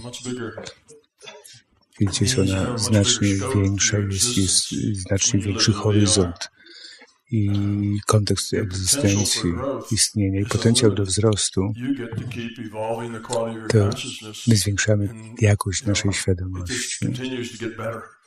To jest i jakby nie, to jest bez końca. Nie ma punktu, gdzie, gdzie się przestaje. Ludzie, ludzie pytają, co będzie na końcu, dokąd zmierzamy, co się stanie, jak już my wszyscy staniemy się tą, tym współdziałaniem, tą miłością, kooperacją. To, to, to raczej nie stanie się, ponieważ, ponieważ nowe elementy przychodzą do systemu i że, wszyscy naraz y, staną się y, kooperatywni. Ale ciekawa rzecz jest, że entropia, że, że jeżeli się nie redukuje entropii, to ona się zwiększa. I jak się przestaje pracować nad pozbywaniem się strachu, to ten strach rośnie. Jak dojdziemy do punktu, powiemy, ja już skończyłem. No, teraz już wszystko rozumiem. I, i już położę się, nie będę nic robił play. That uh, will be when you begin to de-evolve. I to wtedy zaczyna się deewolucja. Więc trzeba ciągle pracować, ciągle wiosłować pod prąd rzeki. Trzeba ciągle dawać energię do systemu. Więc nieograniczony wzrost, radość. I zobaczycie, że rzeczy paranormalne paranormalne stają się paranormalne znaczy, że, że coś poza normalnym. Things are not normal or, or beyond normal basically because we don't understand them. My nazywamy rzeczami paranormalnymi, normalnymi, bo my ich nie rozumiemy. Nie rozumiemy czegoś, to nie znaczy, że to jest niemożliwe. To po prostu znaczy, że nie rozumiemy. I, i co widzicie?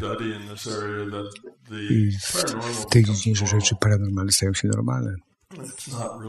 To nie jest tak, że poza Twoim zrozumieniem to jest naturalny sposób tak jak rzeczy się mają, jak pracuje jak świadomość. Jest. Będziemy mówić o, mówiliśmy o tych y, bazach danych przyszłych, że jak czas, czas biegnie, to tyka, to co było w przyszłości, on staje się rzeczywistością, gdzie wtedy wykonujemy te wybory. i liczy się tylko teraźniejszość wszystko inne to są bazy danych i to przychodzi już do przeszłości. I wtedy ta, ta przyszłość staje się rzeczywistością i wychodzi z drugiej strony, jako baza danych przeszłych.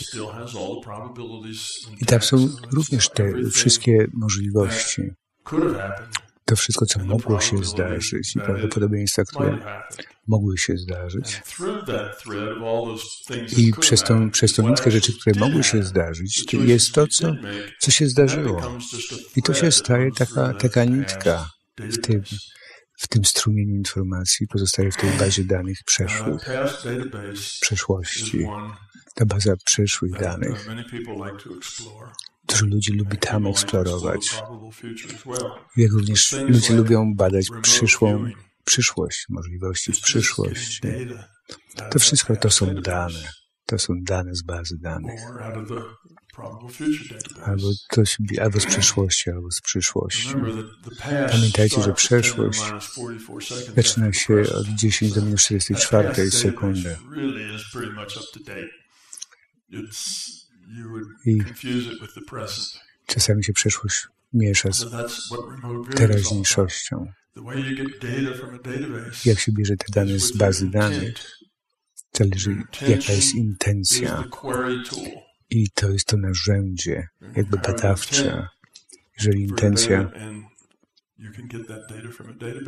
Mając taką intencję, można pobrać te dane do, do świadomości. To samo z, z przyszłością, z możliwymi rzeczami, które mogą się zdarzyć. One są również dostępne. Jak ludzie widzą aurę, to są dane. To są dane pobrane z bazy danych. To jest po prostu inny strumień danych. Można mieć, pobrać dane o danej osobie, o zdrowiu, o emocji, o jakości świadomości, cokolwiek chcesz. I, i fajne jest, że, że z tych baz danych można specyfikować różny format. Jak chcesz mieć kolorowe obrazki i chcesz Możesz mieć w taki sposób, jaki lubisz. Jeżeli lubisz wykresy, możesz to mieć w formie wykresów. Jak lubisz linearne grafy, możesz otrzymać informacje w takiej formie, w jakiej wyspecyfikujesz. To bardzo ciekawe. Te bazy danych, również tych bazach danych możesz doświadczać w różny sposób. Pierwsze, jako obserwator patrzysz, tak jakbyś film oglądał, patrzysz, jak, jak ten film się gra, albo możesz wejść do tego filmu i być w nim, być charakterem, możesz interagować, możesz podejmować decyzje, możesz zmieniać rzeczy. To wszystko to są, to są dane. To są dane różnych możliwości. Więc te wszystkie rzeczy, o których słyszymy, że są paranormalne, one są normalne, one są artefaktami świadomości.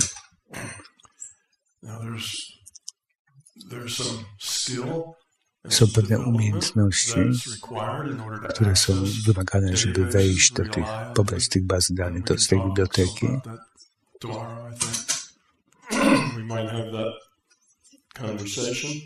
Możemy mieć o tym rozmowę. Uh,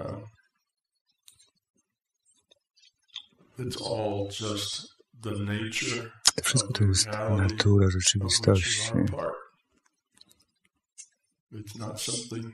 To nie jest coś, uh, coś niezwykłego. Um, let's see. Okay, we've gotten all that. Teraz pomówimy o wolnej woli. Potem poproszę o pytania. Będę odpowiadał. Wolna wola, czas, świadomość. to, to, to są świadomość podejmuje wybory. Żeby mieć wybór, potrzebna jest wolna wola.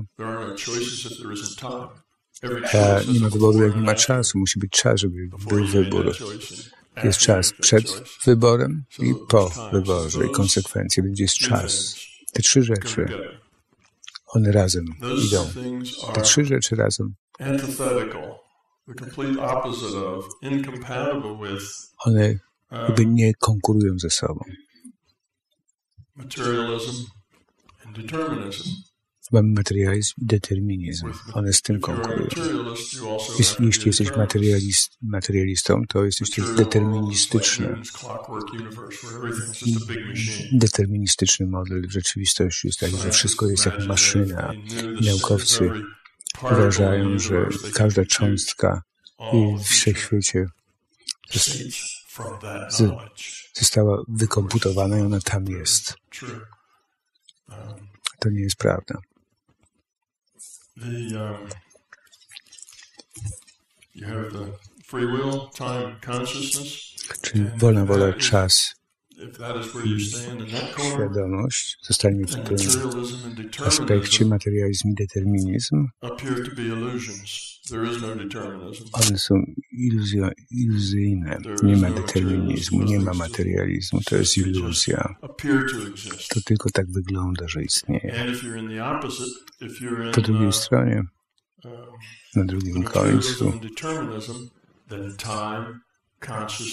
tego, tego materializmu i determinizmu, determinizmu mamy czas, wolną wolę i świadomość.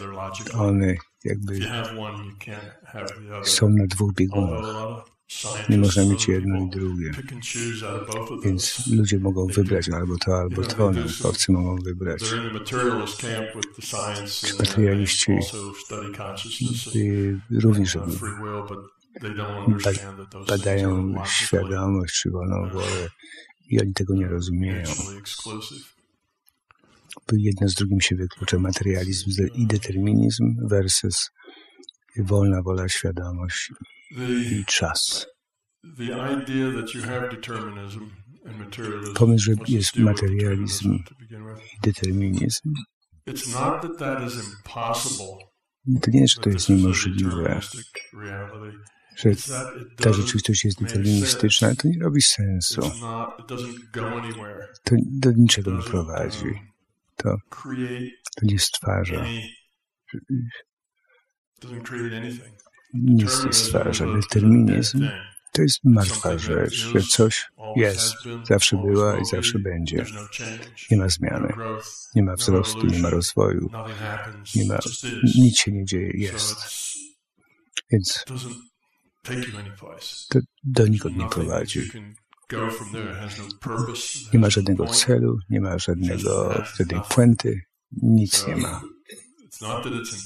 To nie, że to jest niemożliwe, to jest po prostu, że, że, że to, to z niczym się nie łączy. Nigdy, nigdzie. To jest jakby ślepa ulica. To, jest, to nie robi sensu. Podczas gdy czas, świadomość i wolna wola, ale dają dużo pola. I to może wyjaśniać jak, jak działa, że, że, że można zmieniać, że można rozwijać się. Ale nie, że determinizm i materializm są niemożliwe. To nie tak jest. To nie jest nieracjonalne. To teraz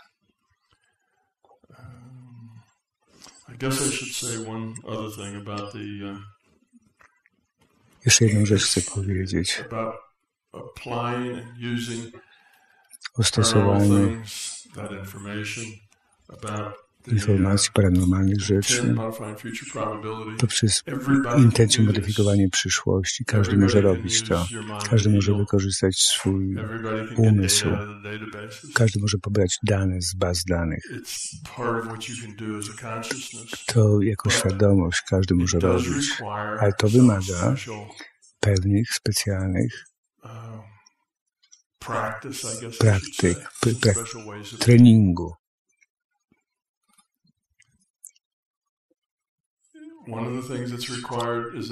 Jedno, co jest potrzebne, to jest to, żeby,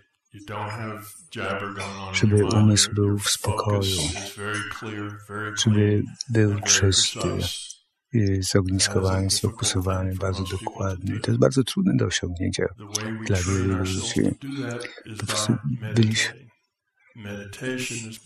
Medytacja to jest jeden sposób, żeby to osiągnąć, ale trzeba to trenować. po to, żeby się uspokoić, wyciszyć, żeby tylko być. Jak to się robi, to się odłącza się od tych danych sensorycznych. Istnieje się jakby w samej świadomości, pewnej próżni. Nic się nie widzi, nic się nie słyszy, nic się nie czuje. Wszystko, co jest, to jest ta świadomość. To jest taki dobry stan medytacyjny. Może zebrać lata, żeby osiągnąć taką umiejętność. Żeby mieć to i potem tak długo jak się chce i kiedykolwiek się chce. Żeby umieć osiągnąć taki stan świadomości na zawołanie. To jest jedna rzecz, że trzeba pozbyć się szumów, hałasu. To potrzeba jakby sfokusowania i jasności. Jeżeli dla umysłu. I wtedy, jak się idzie w te bazy danych, trzeba być bardzo specyficzny, czego się chce. Jest bardzo ważne, dlaczego ty chcesz pobrać te dane, chcesz wiedzieć o, o przyszłości, o przyszłości. To jest system świadomości. Ten system jest, jest świadomy. Ty jesteś jego strategią na jego rozwój.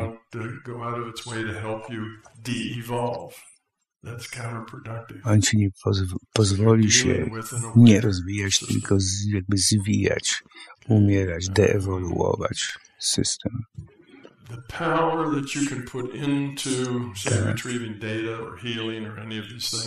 Jak możesz wykorzystać te, te dane do, do, do leczenia, jest ważne, jak to przychodzi jakby z punktu bytu to nie powinno pochodzić z intelektu. Więc intelekt robi życzenia, życzenia, życzenia nie, nie zmieniają rzeczywistości i prawdopodobieństwa przyszłej rzeczywistości. Życzenia nie leczą. Musisz być na, na poziomie bytu, bycia. To są dwa różne. Poziom bytu i intelektu. Poziom bytu to jest ten rodzeń, to jest in, inny sposób, żeby być na tym bycie to są te emocje. Ktoś spowoduje, że się złościsz. i, i patrzysz, że ktoś cię obraził i nie patrzysz na, na to obrażenie, że ktoś cię obraził, sobie wtedy myślisz, o, powinienem się wtedy pogniewać, więc będę, będę się gniewał. No więc jeżeli, I wtedy wybuchasz y, tym, tym gniewem i to wszystko z intelektu pochodzi. Wtedy trzeba mieć tą, tą troskę, kooperację, miłość. Trzeba mieć tą jasność i fokus, skupienie na poziomie bycia.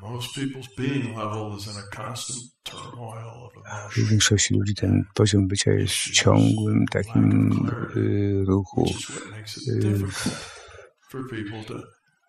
I to jest bardzo trudne dla ludzi, żeby, żeby mieć dostęp do tych rzeczy paranormalnych, do których chcieliby mieć.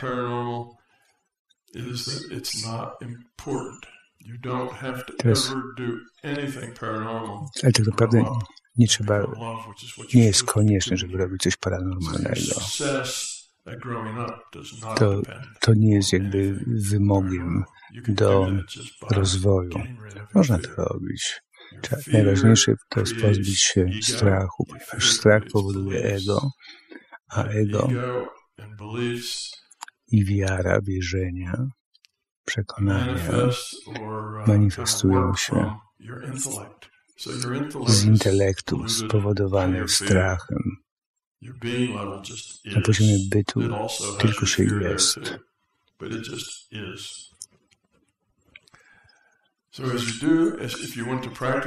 Więc jeżeli chcesz praktykować te rzeczy paranormalne, możesz być bardzo dobry w nich. Ale to trzeba robić z poziomu bytu.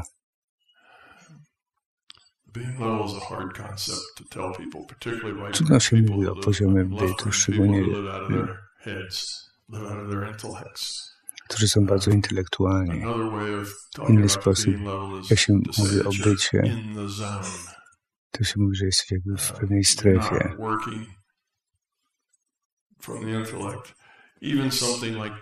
Czyżenie, nawet pisanie na maszynie, na komputerze, jak się myśli o tym, gdzie jest każda litera, to, to potrzeba wysiłku pewne mentalnego, gdyby trzeba było myśleć, gdzie jest dane, dana litera, to by to było bardzo męczące. To trzeba po prostu automatyzmowi oddać.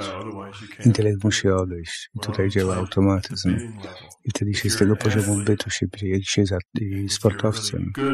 Jeżeli się jest dobrym sportowcem, to musisz wykonywać swój sport z poziomu bytu. Ty nie możesz myśleć o tym, jak, co zrobić teraz, czy powinienem tutaj kopnąć piłkę, czy tam. Czy to, to, wszystko, to wszystko musi się samo zadziać. To, to idzie na, na poziom in, instynktu. Bo jakbyś zaczął myśleć o tym, to nigdy nie będziesz dobry w tym. To, to samo jakby malarz u mnie w domu maluje okno.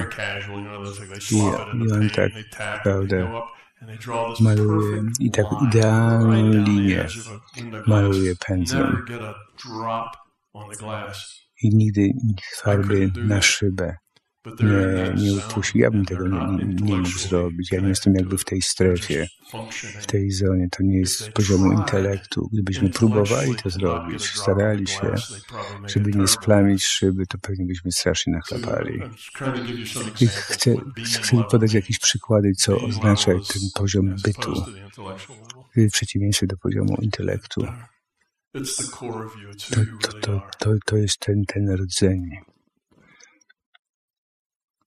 w nas. Więc jeżeli się postępuje z tego poziomu bytu, ma się dużo mocy, dużo potencjału. Łatwiej się działa z poziomu intelektu. Efekty nie są takie same, jak się pozbędziesz y, strachu, twojego intelektu, to wtedy ten poziom bytu staje się jedną rzeczą. You can do analysis at the being level. Możesz robić analizę na, na poziomie bytu. Ale niestety nie. Większość nie pracuje na takim poziomie. Trzeba pozbyć się ego, strachu. Wtedy człowiek jest, stajesz się jednością. Nie masz podświadomości już więcej. To nie jest tak, że, superego, ego, podświadomość i to wszystko, i te wszystkie kawałki tej ciebie stają się jedną rzeczą. i jesteś świadomy tego przez cały czas. W, tym czasie stajesz się autentyczny. A bycie autentycznym to, to jakby istniejesz z poziomu bytu. Gdyby to było z poziomu intelektu, to to, to jest pewien, pewien image, że chciał, kim chciałbyś być, albo kim myślisz, że jesteś, a nie kim czy naprawdę jesteś. To mam nadzieję, że, że jakby dosyć przekazałem ten, ten koncept y, poziomu bytu. I oczywiście te wszystkie paranormalne rzeczy to się robi z poziomu bytu a nie z intelektu. Jak się chce. I wtedy można robić cokolwiek się, cokolwiek się chce. Czy strach. St strach przeszkadza. Jeśli jesteś, na tym poziomie bytu, że nie możesz to jest jakby twoje zadanie, twoje wyzwanie chcesz się zajmować rzeczami paranormalnymi. Ale to nie jest konieczne, żeby robić paranormalne rzeczy, eksperymenty. Ale robiąc rzeczy te paranormalne, to jest pewne ćwiczenie. Ćwiczenie pozbycia się ego, pozbycia się strachu i zyskania więcej tej, jakby tego człowieczeństwa. I to jest ten proces ewolucyjny. Więc to może być jako narzędzie do, do rozwoju osobistego. Ok, a teraz proszę o pytania. Myślę, że, że macie sporo pytań.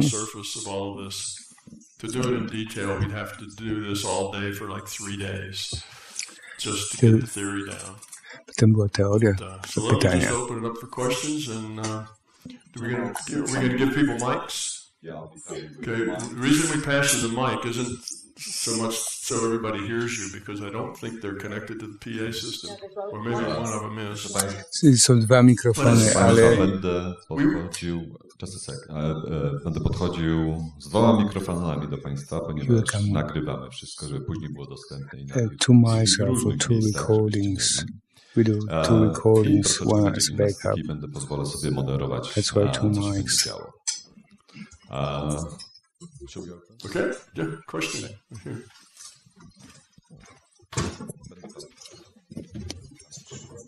Proszę tłumaczyć. To chciałem Ci zadać takie pytanie, bo są, my jesteśmy po śmierci, umieramy jako ten awatar, natomiast nasza świadomość przechodzi na tamtą stronę.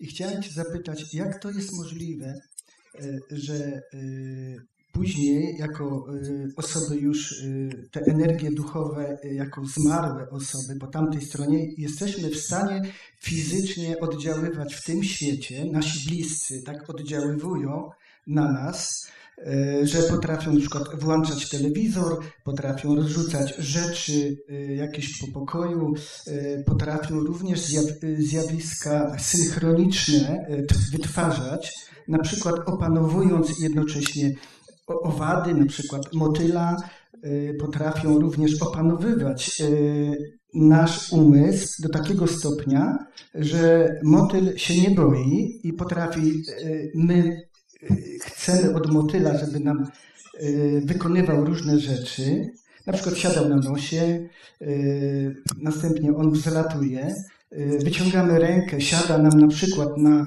E, kciuku. Przepraszam, im dłuższe pytanie, tym trudniej będzie przetłumaczyć i e, odpowiedź może nie być celna. Dobrze. I jak są możliwe tego rodzaju e, fizyczna, fizyczna manifestacja osób zmarłych w tym naszym świecie? Tom, the question is this. If we are immortal consciousness and we are using our bodies as avatars, then there is death, avatar is dead, doesn't function, and we move, quote, to the consciousness back. How is it possible that we can physically interact with our people, close people, family? I mean, on physical items in physical way, like turning on the radio or doing this or and that, etc. So like being in consciousness how is it possible that we can physically interact with the avatars of our closest people? In, in general, Generalnie, uh, most of the time, most people do not większości przypadków ludzie nie mają tej interakcji z fizycznym światem, ale to, ale to może mieć miejsce to jest możliwe. Pamiętaj, świat fizyczny jest światem wirtualnym i wszystko, co się dzieje, jest opisane. To, to jest strumień danych dla danej osoby. Bob Monroe w swoich eksperymentach on mówi uszczypnąć kogoś, jak ktoś był out of body, był poza ciałem.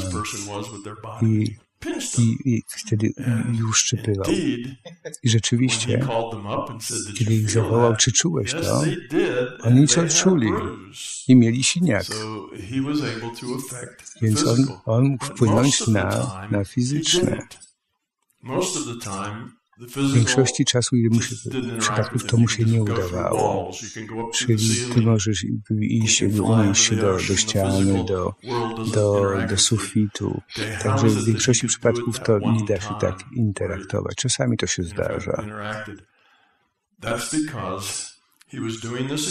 Ponieważ on robił te eksperymenty Bob Monroe, te eksperymenty, żeby ten system, wtedy system współpracował z nim, żeby on mógł mieć te dane, ten dowód, że to jest możliwe, bo on chciał udowodnić, że to jest, czy to jest możliwe, czy to jest prawdziwe, więc jeżeli system da ten strumień danych tego silniaka, na to uszczypnięcie tego człowieka, co jest poza ciałem, to, to pojawia się. Więc to jest wszystko jakby kooperacja tego systemu że on, on te informacje dane. To jest robione na korzyść, po to, żeby była korzyść dla osoby, która ma to doświadczenie. Czyli na przykład, jeżeli twoje radio się włącza albo coś się dzieje, powód na to jest, jest taki, że to, że to ty się masz obudzić. Masz, ty masz zwrócić twoją informację, zwrócić uwagę. Ty dostajesz tę informację, że rzeczywistość jest większa, jest dziwniejsza, niż ci się wydawało.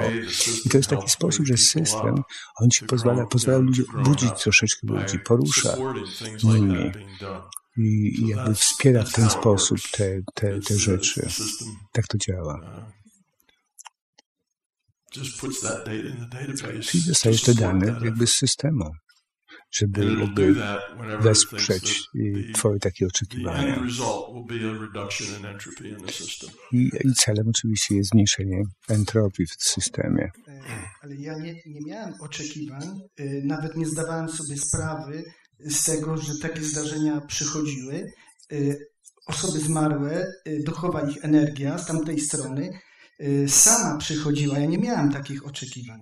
Z postaci zdarzeń synchronicznych, o której już mówiłem, o których tworzył Carl Jung, jeszcze te zdarzenia synchroniczne. On pierwszy 100 lat temu taki termin, takie zdarzenia przeżywał na swoich pacjentach i takie zdarzenia, powiedzmy, ja nie miałem oczekiwań, one same przychodziły, e, ponad e, paranormalne takie, nadnaturalne zdarzenia. Je fizycznie, manifestacja fizyczna jest jak to może, no trudno sobie to wyobrazić. Ja rozumiem to, rozumiem to mniej więcej wywód, ale to jest tak fizyczne bardzo tak bardzo fizyczne w tym naszym świecie. I to tak jest bardzo frapujące. It, it was just a comment that, that these interactions of, of people who have died to, to the person, they were not expected, but they appeared and they were, they were very physical. So there was not a question, there was just a comment or confirmation. Yes. It is very physical. There's nothing more real than information. Oczywiście nie ma nic bardziej rzeczywistego niż informacja. Informacja jest rzeczywista. Jak ona przychodzi jako, jako dane, że ktoś cię uszczypnął, to jesteś uszczypnięty. Tak to interpretujesz. Tak awatar twój doświadcza.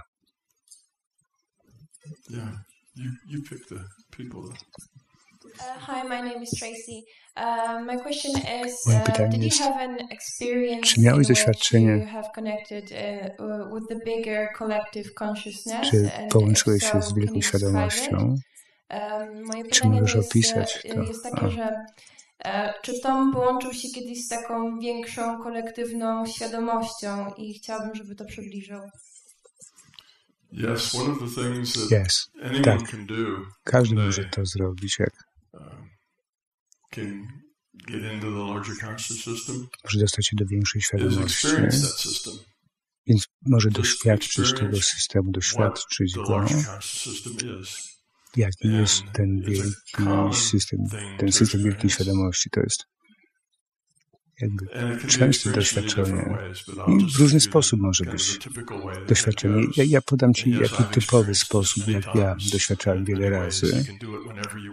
Wielokrotnie w różny sposób możesz to robić. I chcesz się połączyć, od tego się zaczyna. Chcesz mieć doświadczenie, doświadczyć świadomość. Co to jest ten system? I jak masz taką intencję, możesz uzyskać to połączenie. Jak uzyskasz, to wtedy zobaczysz, że jesteś jednością ze wszystkim. Zobaczysz, że jesteś połączony ze wszystkim wszędzie, że jesteś połączony z każdym źródłem trawy, do każdego drzewa. I czujesz się tak kompletny czujesz połączenie, przynależność, miłość, jesteś Ty, jest, wszystko jest jednością. I to pole jest bardzo, bardzo mocne pole. To nie jest pole w intelekcie, to jest bardziej głębiej. Większość ludzi po tym doświadczeniu, jak mają pierwszy raz, oni nie mówią, mogą mówić o tym przez, przez pół godziny, godzinę nie mogą w ogóle mówić. Zwykle to jest zmieniające życie, transformujące. To pozwala ludziom, to mówi do ludzi, że rzeczywistość szersza to miłość, że Ty jesteś jest, że, że jesteś częścią tego. To są jedne z takich tych peak experience, takie szczytowanie. Niekiedy ludzie mają takie doświadczenia przy śmierci, czasami w medytacji. Czasami jogini po prostu oni w tym stanie jakby wiszą w cudzysłowie ze skrzyżowanymi nogami. Doświadczają to. To rzeczywiście każdy powinien to, to, to przeżyć, bo to otwiera Twój umysł, otwiera Twoje serce, żebyś zdał sobie sprawę, że jesteś jednym ze wszystkim. I jedna z tych świadomości to jest to, że ta, ta świadomość, to wszystko jest posieciowane, połączone. Wszyscy, tak my wszyscy jesteśmy połączeni siecią komputerową www. Możesz kliknąć na URL i łączysz się. Tak samo łączysz się z ludźmi. Tak telepatycznie możesz łączyć się z ludźmi, możesz doświadczyć wszystko naraz. To, to, to przepełnia, to jest fantastyczne, to jest piękne. To jest, to jest jak ja robię swoje te, takie warsztaty, immersive i, i staram się ludziom nauczyć ich, jak doświadczać tej, tej wielkiej świadomości. To zwykle są dwie, trzy osoby, które będą miały takie doświadczenie. I to, są, to są teraz setki tysięcy ludzi, którzy tego doświadczyli. To rzeczywiście zmienia życie.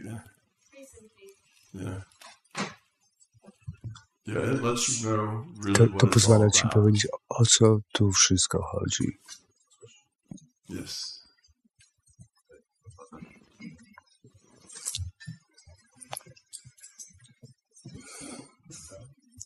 Zainteresowała mnie koncepcja miłości. Czy należy to rozumieć jako stan uniwersalny i jak to się ma do tego, że istnieje tak olbrzymia wielość e, interpretacji e, indywidualnych?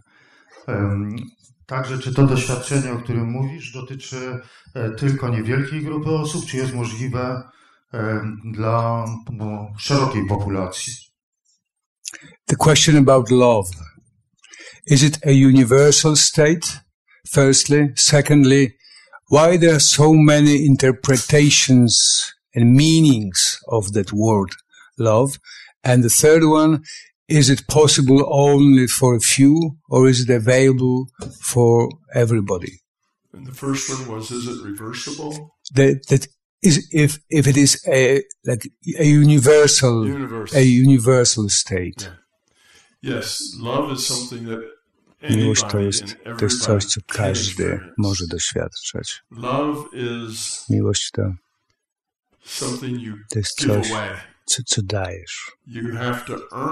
Musisz, musisz zarobić wiarygodność, musisz zarobić, żeby ktoś cię lubił. Znaczy musisz zapracować na to, ale miłość to jest dar, który dajesz. I jest dużo znaczeń ekspresji miłości, ponieważ tu mamy zamieszanie, co miłość jest. Większość ludzi którzy się zakochują, oni naprawdę, oni się, oni mają ogromną potrzebę. Oni mają potrzebę, że spotkają kogoś, kto im te potrzeby zaspokoi. My to nazywamy zakochiwaniem się. Miłość, miłość jest bezwarunkowa. Jeśli nie jest bezwarunkowa, to nie jest miłość. To jest, to jest pewny, pewien arrangement, to, to jest pewne stosunki, umówienie się. Love, miłość musi być bezwarunkowa. Są różne miłości, ale to, one są wszystko to samo. Prawdopodobnie miłość, jaką masz dla dzieci, miłość, jaką masz dla, dla, dla partnera, dla, dla kochanka, to wszystko to jest to samo. To, to, jest, to musi być dar, dawania. To jest, miłość jest o kimś innym. To tyczy, a nie o sobie. To nie jest egoistyczne. To, to jest inna charakterystyka. Jeżeli chodzi o kogoś innego, to jest bezwarunkowe. Jeżeli jest warunek, to tu to jest egoistyczne, tu chodzi o mnie. To jest pewien warunek dla, dla swojego bezpieczeństwa. Taka jest natura miłości. Miłość to jest, to jest natura, natura systemu o niskiej entropii. To jest pewnie jedyna definicja techniczna miłości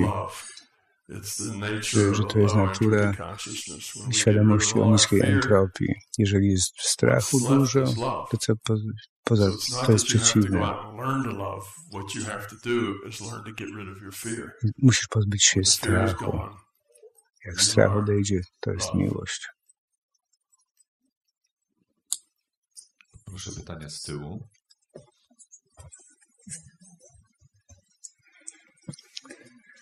E, doświadczałem kiedyś często takich wyjść z ciała. To jeszcze lata 80. Na, e, przy pomocy takiej pierwszej jednej z pierwszych tych metod transcendentalna medytacja, potem tworzenie zamka, fosy, bunkru jeszcze. I to były takie metody wtedy.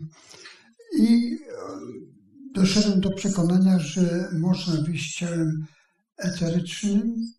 Wtedy prawdopodobnie można kogoś dotknąć fizycznie i te uszczypnięcia to właśnie są w takim stanie, a można wyjść tylko ciałem e, mentalnym. Wtedy nie jesteśmy w stanie nic fizycznie zrobić. Czy potwierdzasz to, czy zaprzeczasz temu?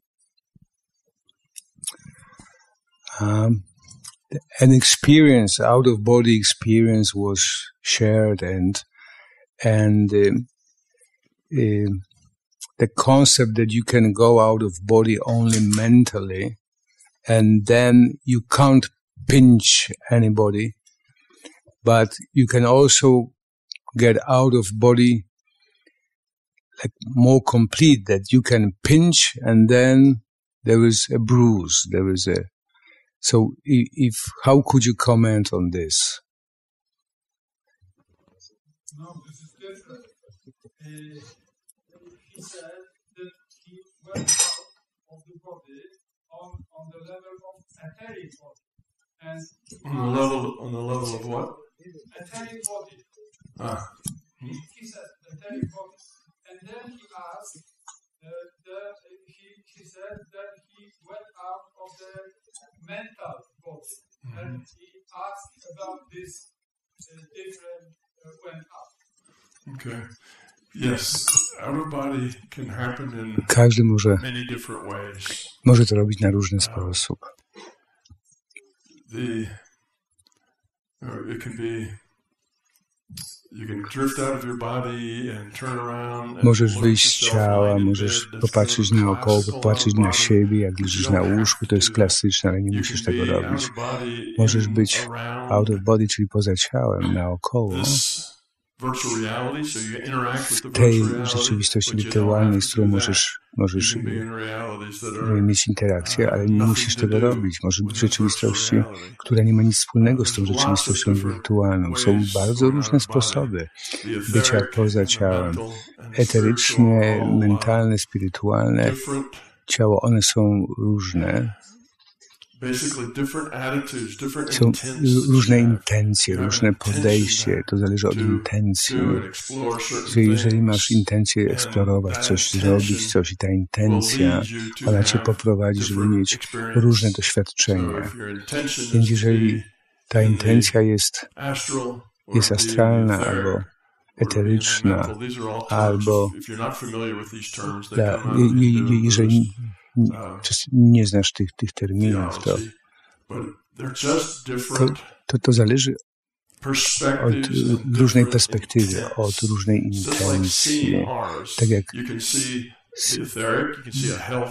widzenia aury eteryczną, możesz widzieć aurę emocjonalną, eteryczną i te aury dają ci informacje o zdrowiu albo o emocjach danej osoby, albo możesz patrzeć na stan intelektualny i na stan duchowy.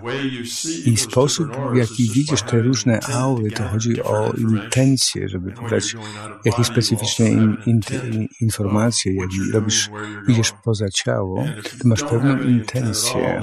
Jeżeli nie ma żadnej intencji, to, to to jest tak jak coś przypadkowego, czyli jakby losujesz, cokolwiek wypadnie, cokolwiek system ci, ci podsunie. To dlatego masz, masz, masz różne, to, to nie jest takie miejsce poza ciałem. To jest inna rzeczywistość wirtualna. To nie jest rzeczywista, rzeczywista prawdziwa rzeczywistość. To, to, jest, to jest rzeczywistość wirtualna. Dostajesz po prostu strumień bazy, strumień danych. I system daje ci taki strumień danych, który jest dla ciebie najbardziej korzystny dla twojego wzrostu, rozwoju i edukacji. I wtedy widzisz to, co, to, co powinieneś widzieć, żebyś żebyś się rozwijał. Ale każda rzeczywistość, każda, w której można mieć doświadczenia, każda rzeczywistość, one są rzeczywistościami wirtualnymi. Jedno jest fundamentalne i jedna jest świadomość sama w sobie.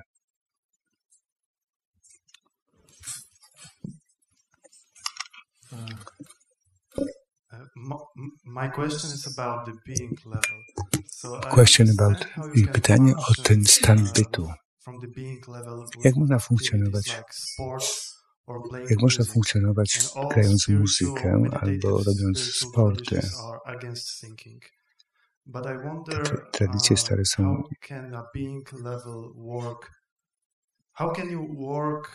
jak można pracować z poziomu bytu, wykonywać intelektualne aktywności. i jaka jest relacja z myśleniem. Możesz myśleć na poziomie bytu, ale jak myślisz, nie wolno ci osądzać, nie porównujesz.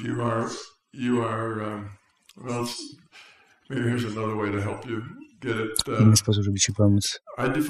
Ja definiuję ego jako świadomość w służbie lęku. Jeżeli nie masz strachu, lęku, to, to masz ta świadomość służy miłości. Jeżeli ona służy miłości, to ta świadomość, to bycie, ona może myśleć, że jest że ma kognitywną funkcję i to, to jest jakby kognitywne funkcjonowanie na poziomie bytu. Jak, jak odejdzie ten element strachu, to wtedy możesz myśleć, możesz kierować. I chciałbym robić to, chciałbym zebrać te dane, ale czego nie robisz, to nie.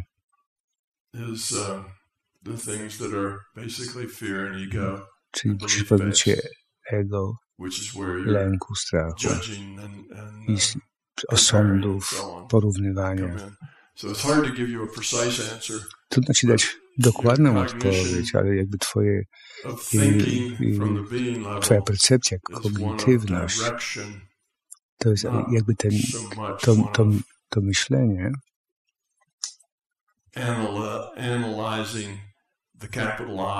as a, you know, in, integrated with other things. It's not so much an I thing. It's just a. Czyli to myślenie nie, nie powinno być jakby skupione wokół, wokół ja. Wiem, że to, to, to trudno, to, to nie jest pełna odpowiedź, ja sobie zdaję z tego sprawę, ale trudno to odpowiedzieć. Next question.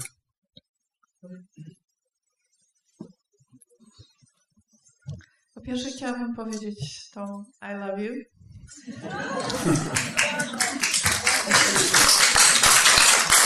Po pierwsze, jak się czujesz? Postaci Jezusa. Oczywiście zupełnie pozareligijne interpretacje mnie interesują, pewnie nas wszystkich. Natomiast y, chodzi mi o sam fakt zmartwychwstania. Co, jak ty interpretujesz to, co przynajmniej przekazano do naszych czasów?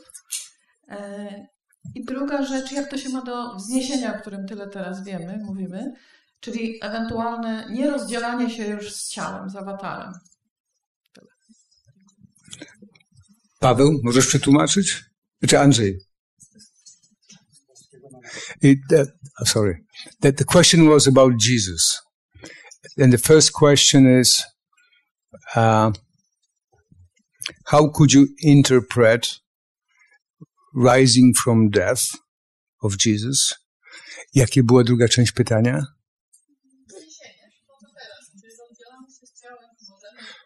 And if there is any parallel with out of body, with out of body experience, like what, what Jesus did, that he he died and he rose from death and out of body experience. Is it any connection, any similarities? How would you interpret this Jesus rising from death? Przepraszam, nie o OB, nie, nie. chodzi o stan OB, tylko o to, o czym teraz mówię.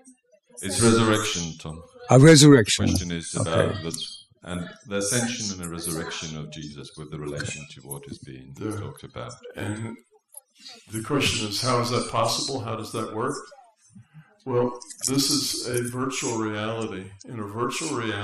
To jest rzeczywistość wirtualna, w rzeczywistości wirtualnej. Um, ona jest bardzo ogólna, ona jest o wszystkim, wszystko się może zdarzyć. W rzeczywistości wirtualnej.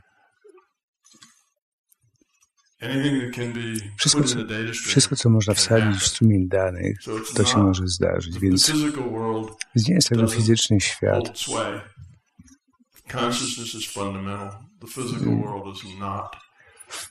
Świadomość jest fundamentalna, a nie fizyczny świat. Więc jakby na pewnym poziomie do akceptacji, że to jest, to jest bardziej metaforyczne,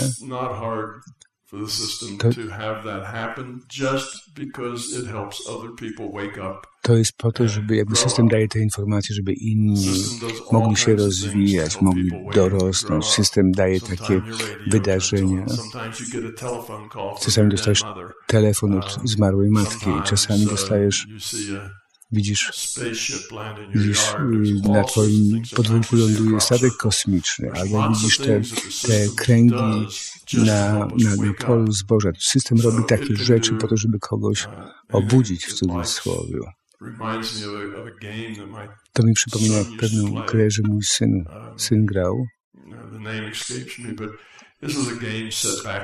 To była gra komputerowa. I tam, to było Age of Empires. I tam, i, i tam miał taki chip, że, że, że tam mógł sobie stworzyć Mercedesa Mercedes-Benza, że z bronią. I, i tam, tam byli ci i, i tam, tam byli ci krewmenci ludzie w jaskiniach, a on sobie jeździł z y, samochodem, Mercedesem sobie jeździł i strzelał. Także w rzeczywistości wirtualnej wszystko się może zdarzyć. Jeżeli to jest sadzone w strumień danych, to, to, się, to się dzieje. Jeżeli coś tam jest, to jest jako lekcja, to jest pewna metafora dla ludzi, żeby pozwolić im y, dorosnąć, rozwijać. I to system to dopuszcza to i, i stwarza. Podoba mi się to. Będziemy mówić o tej metaforze. Prawie wszystko, co jakby cała informacja jest w pewnym sensie metaforyczna. To metafora. Ona niekoniecznie jest jest, jest dosłownie. To samo jak, jak śnisz, ta cała informacja jest metaforyczna. To po to, że, że telepatia, dostawanie informacji do swojej świadomości, telepatia generalnie nie, nie przychodzi w literach, które tworzą litery i które tworzą y, zdania. Ona przychodzi w pewnym znaczeniu. To przychodzi ani że jakiś rozdział, że, że dostajesz, ty dostajesz to, cały rozdział, cały paragraf. I to przychodzi w formie pewnych metafor, a nie tak linearne y, litery, litery, y, wyrazy i zdania. Tylko taki, taki duży czan informacji, metaforyczny sposób. To wszystko, co widzicie, to są metafory, przenośnie. Wszystko, co się dzieje, to, to jest metaforyczne, to przenośnia jakby zobrazowanie. I ważne, co się z tego możesz nauczyć, jaka z tego korzyść dla ciebie. To nie znaczy, że to wszystko jest takie dosłowne, jak ci się wydaje. I mogę odpowiedzieć teraz na zapytanie tej wcześniejszej, swoich snach.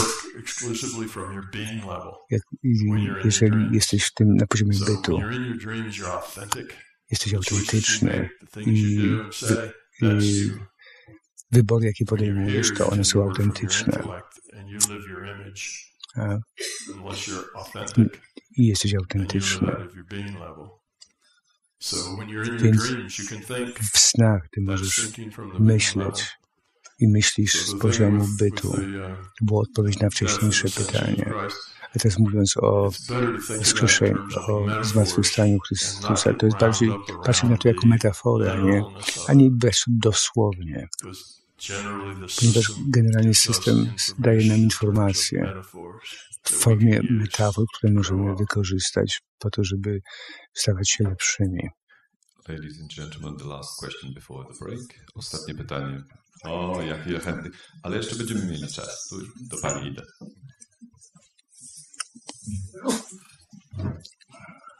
Resurrection. że Pan przyszedł środek. Okej. Okay. Muszę się zastanowić. Rozumiem, e, wydaje mi się, że rozumiem, co słyszę. E, Wiem o co chodzi z tym rozwojem. E, natomiast wiem, co to znaczy metaforycznie.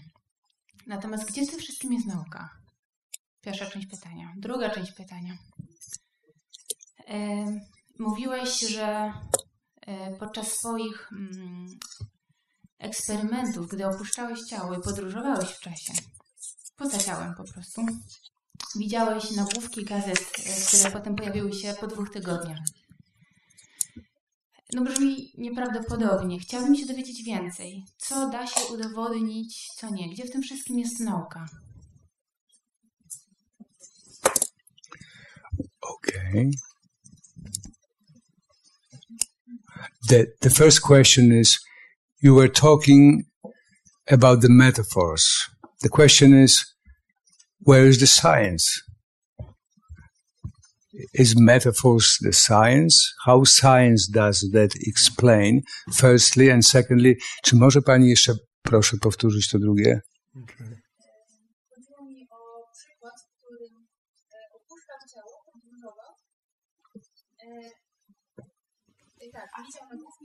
Które się potem w druku po dwóch tygodniach. No brzmi to niewiarygodnie, gdzie w tym wszystkim jest nauka. Czyli jak naukowo on to wytłumaczy jako naukowiec? Jak to udowodnić, że nie tylko jedna czy trzy osoby faktycznie tego wyznały, tak? Okej. Co mówi, jest nauka? Okay, and and uh, previously you were saying about your out of body experience when you went out of the body and you saw the headlines of the newspapers like two, three weeks ahead, and then like all that happened. How you as a scientist can explain this? Where is the science? Okay. Czy to dobrze tłumaczenie? Tak? Yes. Okay. well, there is a, you know, the, the Studiowanie świadomości to jest nauka. Świadomość może być zrozumiana. To jest subiektywna nauka, a nie obiektywna. Gdzie jest uh, nauka? Jeśli chodzi o metaforę, to dobre pytanie. Uh, naukowcy, oni robią opowiadania, oni robią metafory i wtedy i zapominają, że oni to zrobili i wierzą w to jako w rzeczywistość. Na przykład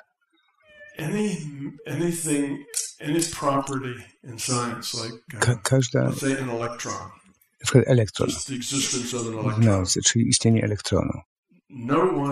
Nikt nigdy nie mierzył elektrona, nie widział elektrona. Tylko widział efekty elektrona. Tylko jego efekty. Czyli widzimy efekt i robimy elektrona, czyli stwarzamy go. Jakby, czyli mówimy, że winien jest elektron, czyli ale elektron jest przez nas stworzony. To jest pewna metafora, czyli patrzymy na te nauki podstawowe to, i to wszystko w tej obiektywnej, cudzysłowie, rzeczywistości. My możemy tylko mierzyć efekty, a nie daną rzecz. Ta rzecz sama w sobie jest pewną metaforą, którą żeśmy wymyślili po to, żeby wyjaśnić efekt. I, stąd mamy kłopoty z elektronami, że to są pewne kawałki materii z ładunkiem, ale wtedy mechanika kwantowa mówi, że, że, że tak nie jest. Ponieważ my, myśmy to na początku wymyślili, te elektrony, żeby żeby znaleźć odpowiedź na, na efekt. Widzimy i i, i inny eksperyment fizyczny, że, że, że, że, że, że damy y, to doświadczenie, gdzie, gdzie jakby stwierdzili, że elektrony mają, mają ładunek. To był tylko efekt, to co widzieli.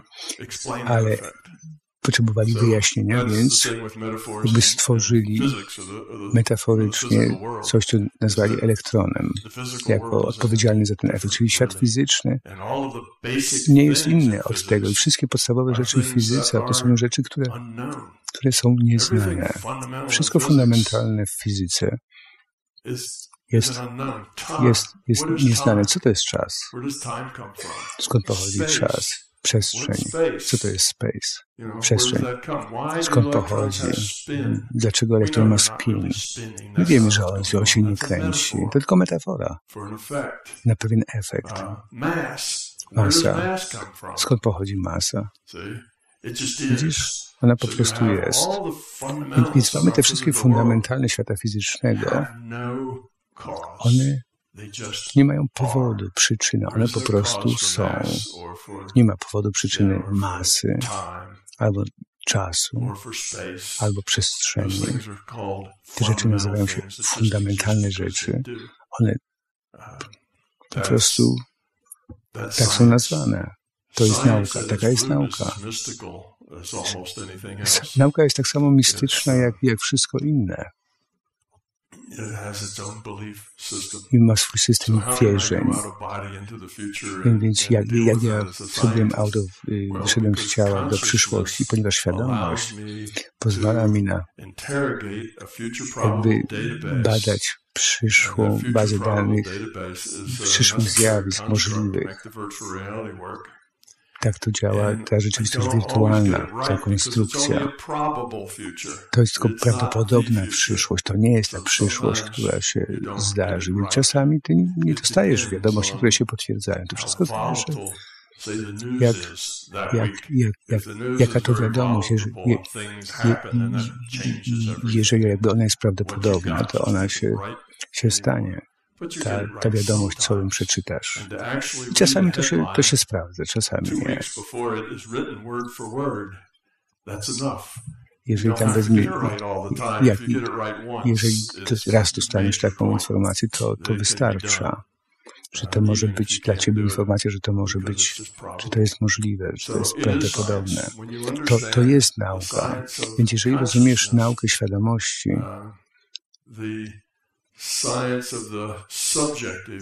więc nauka subiektywnego, wtedy możesz wyjaśnić dużo rzeczy, ale one wszystkie są subiektywne. Większość naszych doświadczeń, one są subiektywne. I prawdę mówiąc, nauka i świat fizyczny to jest taki podzbiór, podsystem tego świata subiektywnego. Nie ma tak naprawdę żadnej rzeczy, która jest obiektywna. Wszystko jest, wszystko ma pewien jakby stopień swobody, niepewności. Jak, jak szeroki jest ten stół? Stąd dotąd mierzony? Jakie to jest wielkie? Zależy, jakie narzędzie do mierzenia weźmiemy. W końcu zmierzymy, że to jest 15 miejsce po przecinku i tam będzie jakiś plus, minus, jakiś błąd. Czyli pozostaje troszeczkę niepewności, błędu, w zależności od narzędzia. Więc świat obiektywny, on jest tylko w przybliżeniu obiektywne. Świat fizyczny i nauki te twarde to jest jakby podzbiór, podsystem większego świata nieobiektywnego, gdzie niepewności są niewielkie. Czyli jeżeli jesteś w tym podsystemie wielkiego systemu, gdzie są, niepewność jest, jest mała, to nazywamy to światem obiektywnym. Czyli że, że to on jest w przybliżeniu obiektywnym, że wszystko więc to jest, jest, jest częścią świata subiektywnego, jak, jak szerokie to jest. To, też zależy od tego, po ile miejsc po przecinku będziemy, będziemy mierzyć i jakie narzędzie weźmiemy, czy dokładne, czy nie. Nie ma jakby dokładnej odpowiedzi. Jest tylko przybliżenie. I te jakby nazywamy fizycznie i obiektywnie te, gdzie mają mało niepewności i są bardzo prawdopodobne. A z kolei te rzeczy, które mają więcej jakby swobody i niepewności, to nazywamy nieobiektywnymi i wtedy mamy te nauki miękkie, w przeciwieństwie do nauk twardych. Wtedy jakby statystycznie możemy też jakby porównywać. Nie wiem, czy odpowiedziałem na, na to pytanie. To naj, najlepsze, jakie udało mi się wymyślić. Proszę Państwa, jeszcze taka jedna rzecz ważna, jeśli chodzi o liczbę osób uczestniczących. E, pokonaliśmy Niemcy. W piłce nie pokonaliśmy, ale, ale tutaj zdecydowanie jest nas więcej niż w Niemczech. How many people? Tu jest około nas 180 osób, więc brawo. A w Niemczech? A? 145. A w Niemczech było 104, około 145, więc cieszymy się, że jesteście z nami.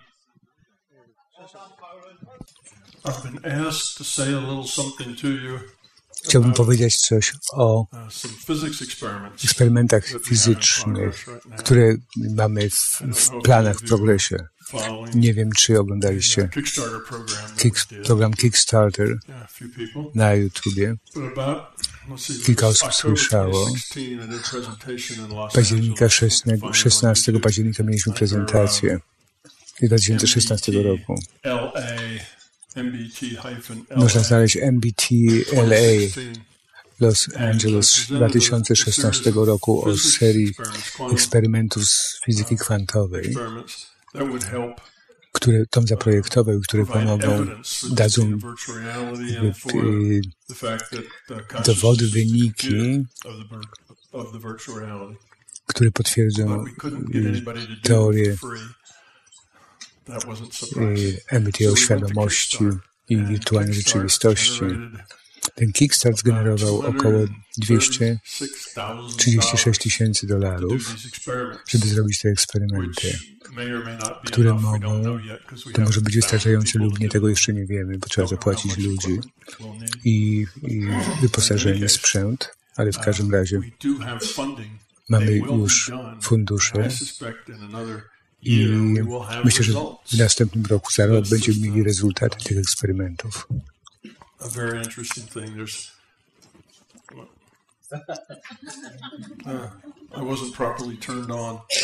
Nie włączono mnie prawidłowo. That's her job, turning me on. To, to, to, to jest rola jego żony, żeby go włączyć.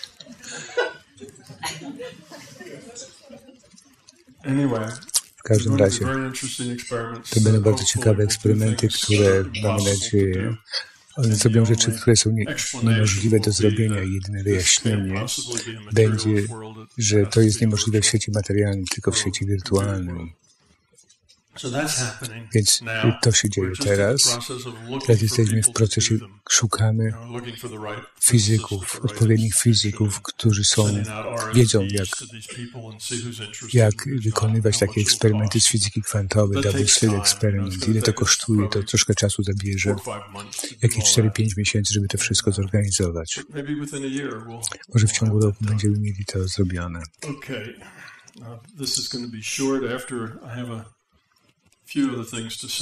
Mam jeszcze kilka rzeczy do powiedzenia i potem mamy osoby, które powiedzą, zastosowali MBT w swojej karierze. i oni nam to przedstawią.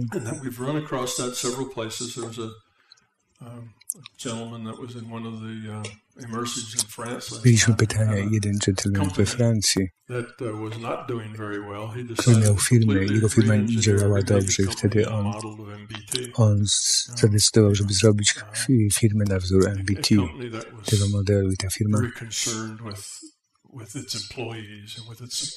Zaczęła się inne relacje z dostawcami, z pracownikami. I teraz ta firma fantastycznie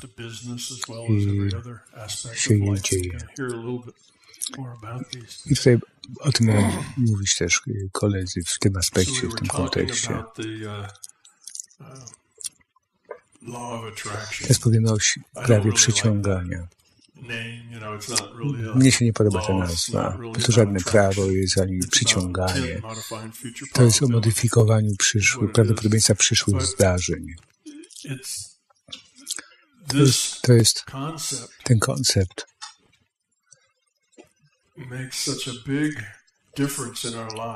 Robi daje ogromną różnicę w życiu. Nawet jeżeli nie słyszałeś o tym wcześniej, to robi ogromną różnicę w życiu. Pomyślcie o o firmie.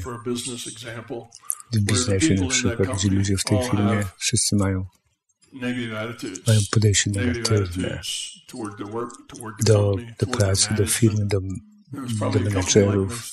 Pewnie jak, jak firma, w której wy, wy pracujecie też, gdzie, gdzie, gdzie większość pracowników narzeka na warunki, na szefów i ludzie mają bardzo dużo negatywnej energii. Co to powoduje? To, to powoduje, że firma dobrze nie funkcjonuje. Więc jak, jak ktoś jeszcze nie słyszał o modyfikowaniu przyszłej przyszłości, my to robimy. My to robimy przez całe życie, jeżeli widzimy się, jeżeli jako ofiarę, jako ktoś, który nie miał jeszcze okazji, szczęścia, który ma ciężki czas, to, to możesz tworzyć taką sytuację przez to samo. Jeżeli zrobisz coś nowego, coś innego, jakiś program ćwiczeń, dźwigać coś, coś ciężkiego i masz negatywną jakąś myśl, w głowy i pomyśleć na przykład, mam nadzieję, że to nie spowoduje, że to nie uszkodzi moich pleców.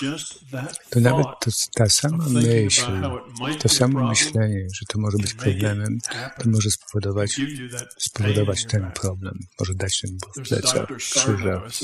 Dr Sanf doszedł do wniosków po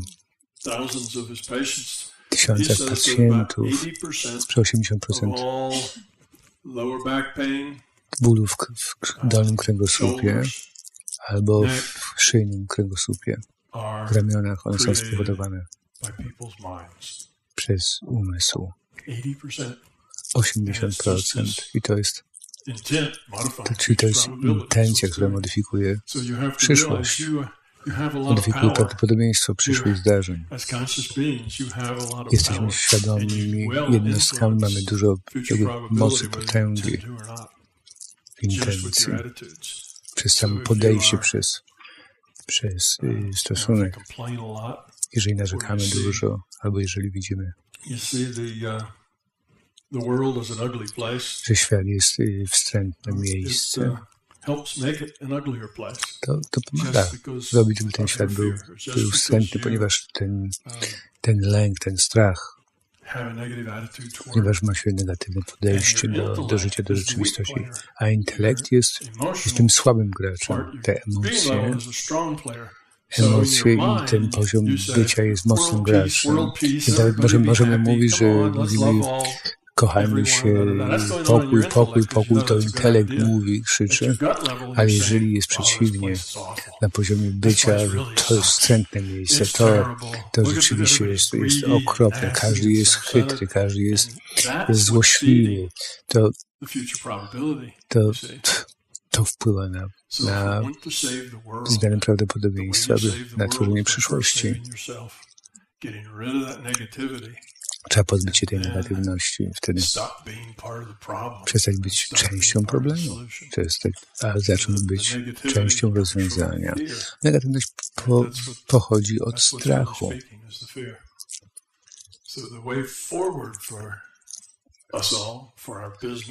Czyli, czekamy, żeby nasze biznesy, nasze relacje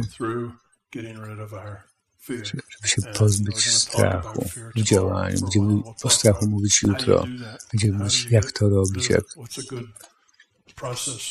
jak, jak, jak proces, więc ta intencja modyfikuje prawdopodobieństwo przyszłości. To jest, to jest feedback dla nas. To naprawdę powoduje to. I my tworzymy ten świat, który jest odbiciem nas samych. Jeżeli jesteśmy pełni strachu, to ten świat jest pełen strachu. I tylko my możemy to zmienić. Politycy, um,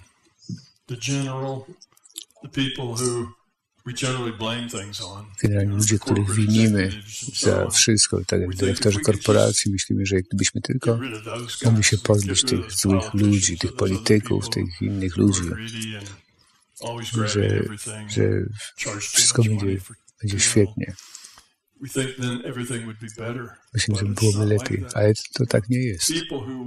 Ludzie, których widzimy jako problem, oni są symptomami naszego systemu, one są symptomami jakości naszej świadomości, a oni są przyczyną tego. I można się pozbyć tego, tego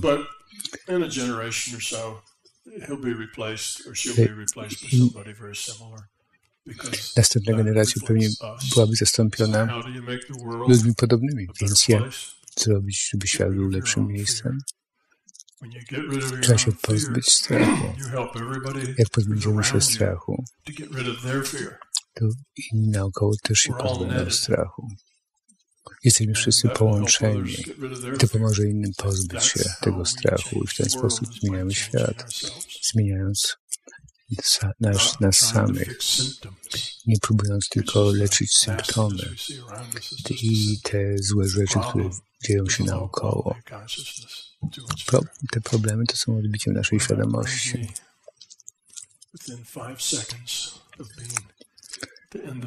Jeszcze pięć sekund zostało do końca mojego czasu. W Radiu Paranormalium wysłuchaliście Państwo wystąpienia oraz sesji pytań i odpowiedzi z Tomem Campbellem, które rozpoczęły niezwykłe sympozjum poświęcone meandrom świadomości i wirtualnej rzeczywistości, które odbyło się w Krakowie 30 czerwca i 1 lipca 2018 roku. Tłumaczenie symultaniczne Witold Tomkiewicz. Prowadzenie Andrzej Butra i Witold Tomkiewicz. Dalsza część tego sympozjum na naszej antenie już za tydzień, a wyemitujemy wówczas wykład i warsztat poświęcony prawu przyciągania w biznesie i na co dzień oraz prezentację techniki ChemiSync, które poprowadzą Andrzej Butra i Paweł Byczuk. Radio Paranormalium, paranormalny głos w Twoim domu. Dziękujemy za uwagę i do usłyszenia.